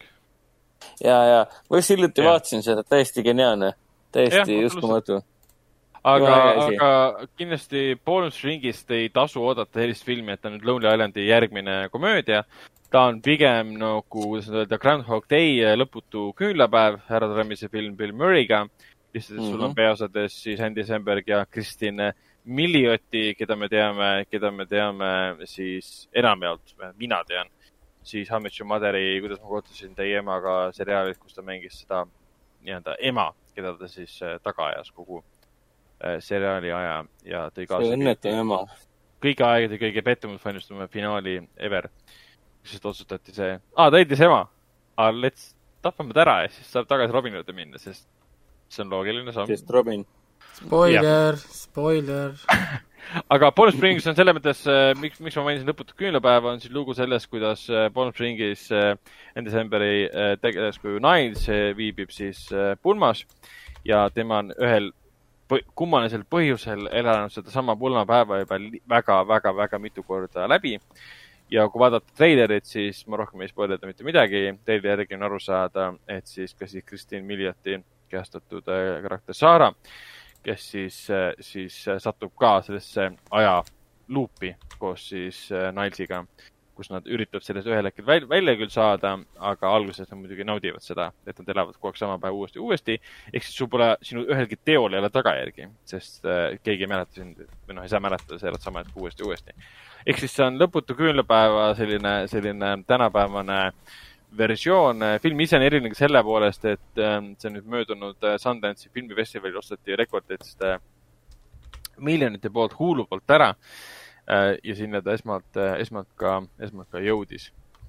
Äh, mida me veel mainime uutest filmidest, ma mainiksin kindlasti Alice'it, Josephine McCarrase uut, uut filmi, mis räägib siis, noh, pealkiri annab ju peategelase nime ära, Alice'ist, kelle elu ühel hetkel variseb kokku ja enda lapse siis ähm, toetamiseks äh, astub ta eskort äh, tüdrukute maailma.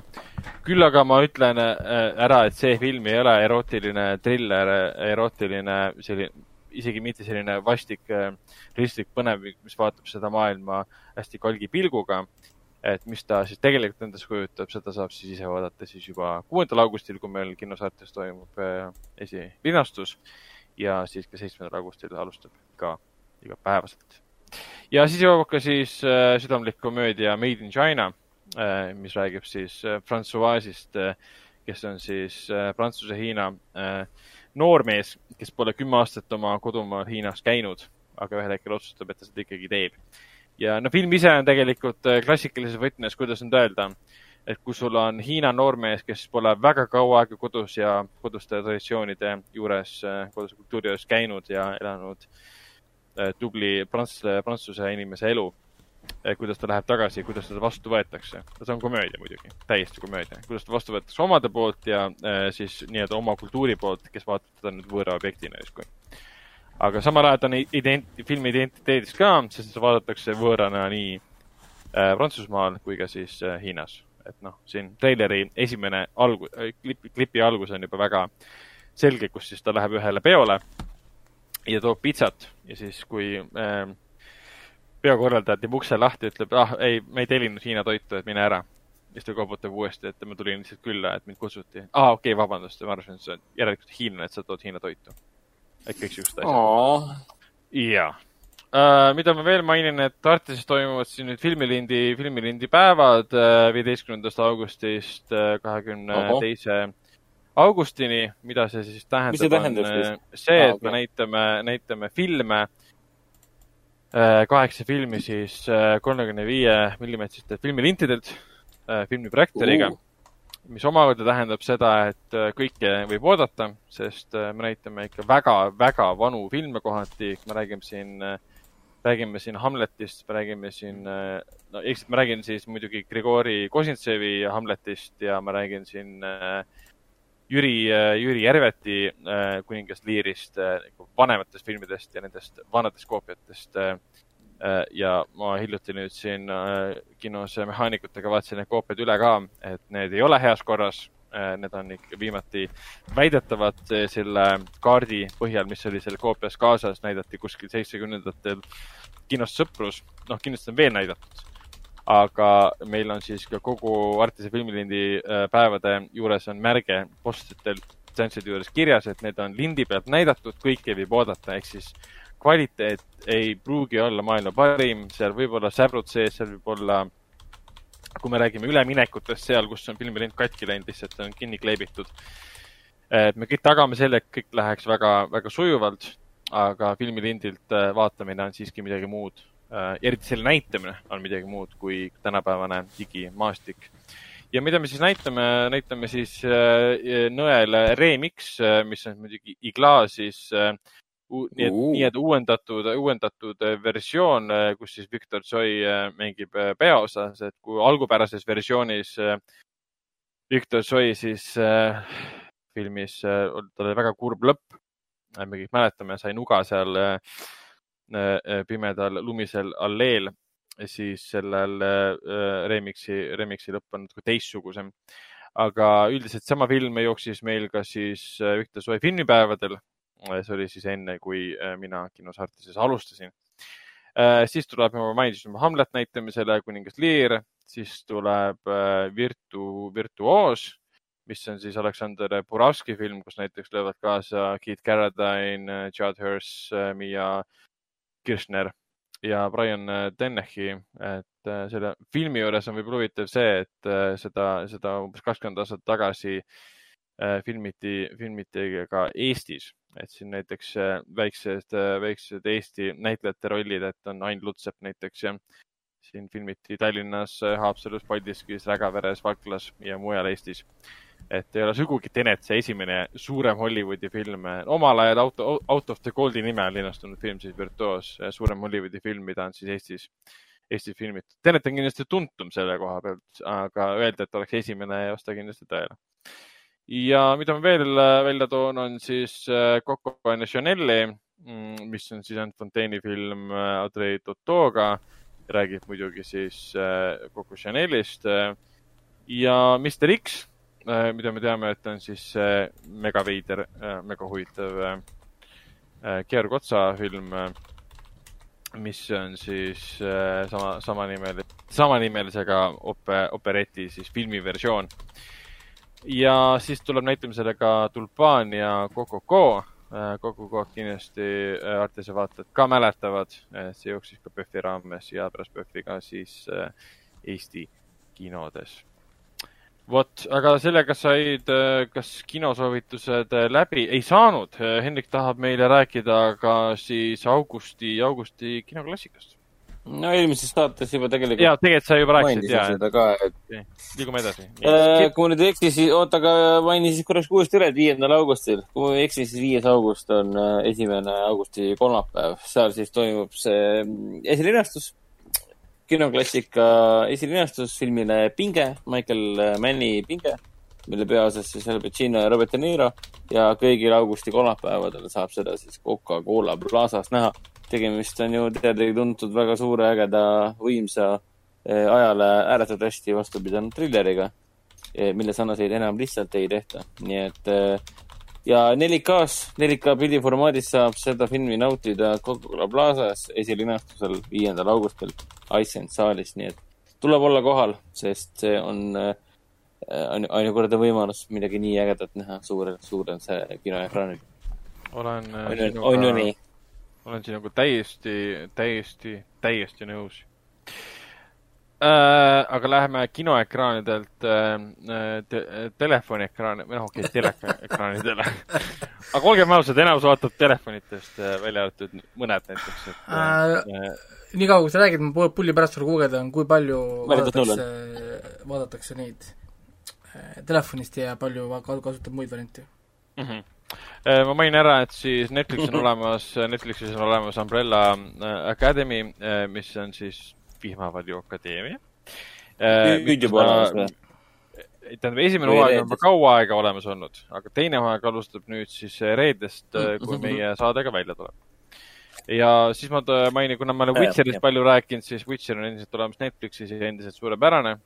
kuna maailm on selline, nagu ta on, siis tooksin välja, et Netflixis on olemas The World's End, mis on siis Edgar Wrighti suurepärane film äh, siin äh,, siin äh, sõna otseses mõttes, kus äh, tegelased joovad õlut ja avastavad, et see võib kaasa tuua maailma lõpu äh,. siis äh, kuidagi läks tunne sõja peale ja Ridley Scotti suurepärane fantastiline sõjafilm äh, Black Hawk Down on olemas ka äh, Netflixis ja, ja tõin välja ka The Last Samurai äh,, kuna ma hetkel mängin Sucker Punchi fantastilist videomängu Ghost of Tsushima äh, Ah, siis okay. äh, ma sattusin täiesti, ma ei pannud otsikusse, ei pannud Samurai, ehk siis tegelikult peaks Netflixi panema otsingusse Samurai, et näha, mis Samurai filmid seal on. aga Edward Zwicki äh, lavastatud film äh, The Last Samurai, Viimane samurai Tom Cruise'iga on täitsa olemas. isegi kui see lugu tundub absurdne, et sul Tom Cruise mängib samuraid, siis tegelikult on see hea film, et olgem ausad okay. Äh, et äh, Telia HBO-s on olemas endiselt Perry Mason, millele ma vist olen nüüd kuulnud, et tuleb teine hooaeg. Äh, Telia HBO-s peaks olema ja ma ei ole hetkel kontrollinud, sest ma lihtsalt ei viitsinud päeval sinna sisse logida. I'll be gone in the dark, mis on siis selle Golden Gate um, sari mõrvaris, kes hiljuti ka siis kätte saadi ja kohtus uh,, kohtus siis üles tunnistas oma seitsmekümnendatel korda saadetud eriti rõvedad teod. kuna Watchmen uh, on endiselt uh, minu kaasmaalastele siin vaatamata, ma räägin siis Raikost ja, ja Henrikust äh, ja kuna Watchmen kogus siin rekordiline kogus äh, Emmy'sid hil- hiljuti siin Emmy'de nominatsioonide väljakuulutamisel, siis ütlen teile, et vaadake Watchmeni, see on fantastiline seriaal, selle aasta üks parimaid elamusi. ja endiselt on olemas Westworld, mida ma ilmselt panin siia võib-olla sellepärast, et endale meeldetuletuseks, et Westworld peaks edasi vaatama. Amazon Prime videos äh, soovitan vaadata The Boys'i, sest tuleb varsti teine hooaeg. Soovitan vaadata George Lewitti äh, The seitse tuhat viissada, tema lennuki trillerit. soovitan vaadata, soovitan vaadata Citizen, Citizen K'd, pea kahetunnine, üle kahetunnine tähendab dokumentaalfilm eelmisest aastast, läks äh, Givni omast siis äh, Mihhail Hodorkovskist, Venemaa äh, magnaadist, kes jäi äh, Putinile hambusse. Ja ulmekatest, kuna siin hiljuti ma vaatasin Telia HBO-st äh, Last Week Tonight'i, kus siis John Oliver äh, tegi väga huvitava kokkuvõtte Minority Reportist äh,, siis soovitan Minority Reporti vaadata Amazon Prime videost. ja kuna hiljuti oli küsimus erinevates, ühes kohas, mis puudutas halbu vene, vene hal,, halba vene keelt vene aktsenti Hollywoodi filmides, siis David Cronenbergi Eastern Promises äh, ida, ida, idamused jah, jaa, lubadused idast äh, Amazon Prime videos on olemas, kus äh, Viggo Mortensen, sugugi mitte vene näitleja äh,, mängib siis nimi isegi viitab, et oleks nagu Viggo the Destroyer sealt Ghostbusters kahest. Viggo Mortensen mängib siis vene kirjaliket ja ta räägib ka filmis selle vene keelt. Apple TV plussis on endiselt olemas siin Ravens Banquet on olemas äh,, Mythicus tähendab, On olemas äh, Greyhound on olemas Jason Momoa Sea, mida ma soovitan eriti Hendrikul vaadata, sest see on väga, väga äge seriaal. jaa. ja, ja sellega sai kõik, nüüd on aeg äh, Raikol rääkida seda, mis ta avastas vahepeal. ja ma siin äh, olen guugeldanud siin äh, Netflixi erinevad äh, stat- statistikat. Neil on nii palju statistikat korraga, et see on noh, nagu viskab sul igat infot äh, peale, aga põhimõtteliselt on siis niimoodi et kakskümmend üheksa protsenti äh, vaatamistest tuleb äh, telefonist äh, või siis arvutist. Mhm. ehk siis nad ei tegelikult, nad ei erista telefoni ja arvutit, nad pannakse need kokku. ehk siis kuuskümmend üheksa, seitsekümmend üks protsenti on tel-, telekad. okei. huvitav, miks nad seda ei erista? siis on pandud jah äh,, computer or a phone. Sest ju, nojah, IP on erinev siiski, erineval seadmel. eks nad saavad ikka eristada, küsimus ongi, noh, äkki neil ei ole võib-olla, ma ei tea, kümme protsenti, viisteist protsenti, seal on kindlasti veel noh, phone on ju, tablet on ja kuidas No sa saad väga- seda jagama, ammuti on arvutite peal, noh, sa vaatad nüüd näete Playstation, mille alla, alla see läheb näiteks, kui inimesed vaatavad läbi Playstationi või, või see on hea küsimus. Aga tegelikult see on ju õigustatud eh, probleem nende statistikas, nad ei saa seda eraldi välja tuua. kui ma võin olla, vedeleda oma 4K eh, mingisuguse saja viiekümne tollise kuvari ees ja otsustan, et ma vaatan telefonist filmi, aga ma ei vaata seda telefonist, ma panen telefonist filmi tööle ja vaatan seda suurelt ekraanilt.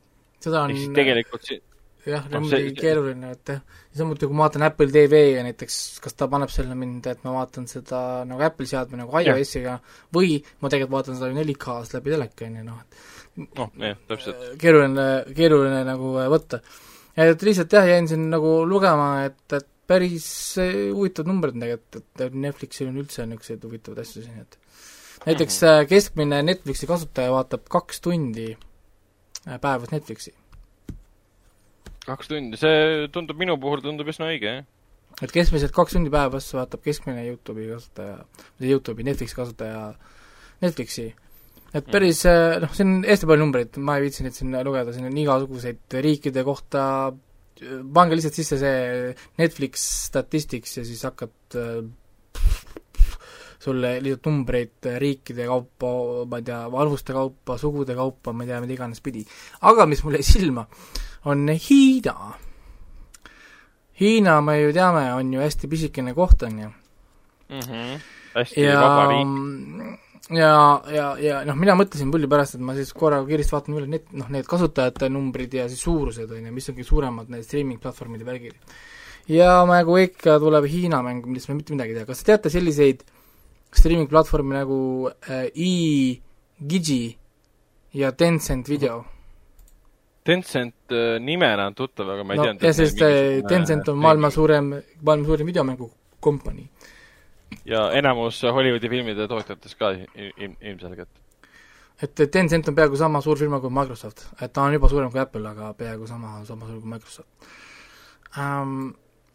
Tencent videol on üheksakümmend neli miljonit kasutajat ja EGG või EG ma ei, ma isegi ei oska seda hääldada, on sada miljonit kasutajat. siis Hiinas on veel kolmas streaming platvorm, mis on Youku, on kaheksakümmend kaks koma üks miljonit kasutajat.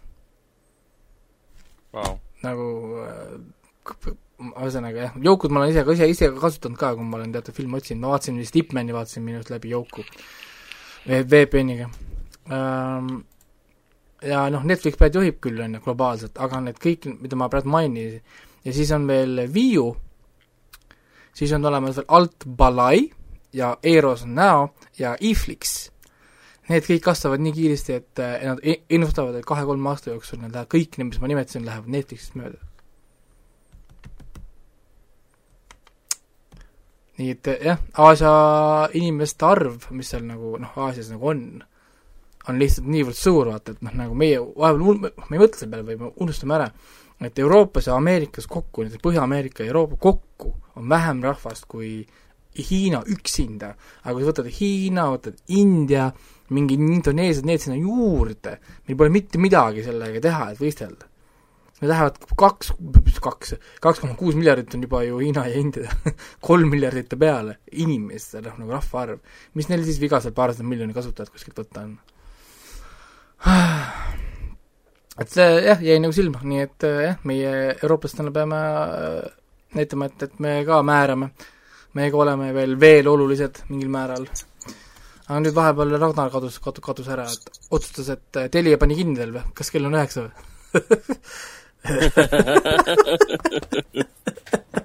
kas te kuulete meid hästi, et Telia otsustas, otsustas äh, ruuterile, ruuteri korraks kinni panna? et ei tohi Telia nii üle siis äh, kümme, kümne pärast äh, üks on nüüd siis äh, uus kell üheksa või? aga kusjuures see on päris ilmselt arvas, et ma läksin, ma läksin juba magama, et siis on see aeg, et nad võivad hakata mingisuguseid süsteemi uuendusi tegema. see on päris huvitav jälle näide, et teil, teil mõlemal on Telia internetid, on ju, te mõlemad ei kaota sisse-välja ära, mul on äh, Elisa net, mina upload in samal ajal, ma olen siin upload inud mingi ma ei tea No. pa-, pa- paarkümmend giga siin ja tau-, download'id käivad ja minul net nagu hoiab, et, et kuule Telia, et hashtag Telia, pane, võta, võta, võta, võta kokku ennast. selles mõttes nagu noh, on aeg. et nagu on On nagu, on nagu aeg tõesti nagu, et, et päris piinlik on tegelikult. ei, ma arvan, et Telia kuulab meid äh, pealt, et ta kuulis meie, meie, meie Muret. Pani kinni. sellist kri-, kriitikat ja pani lihtsalt Karistuseks. kättemaksu kinni. mida sa seletad, naksti net on läinud, kurat. ma sul teen podcast'i, kurat. jah, aga, aga tegelikult podcast'ile me saame ka Jep, nüüd, ongi saame kõik. nüüd joone, joone alla tõmmata, et äh, ma alustasin, alustasin äh, arvuti peal seda saadet ja lõpetasin mobiili peal, aga selline, sellised on, sellised on Telia suhted meiega. vot, aga siis äh, näeme juba järgmine kord ja praegu ütleme au. järgmine kord räägime ka Um- Umbrella Akadeemiast, nii et äh, vaadake ära ja esimene küll äh, trollide teisest filmist jah, trollid ka jah, ei, vaatame, sellest ka räägime. aga nägemist mm. -hmm. tšau.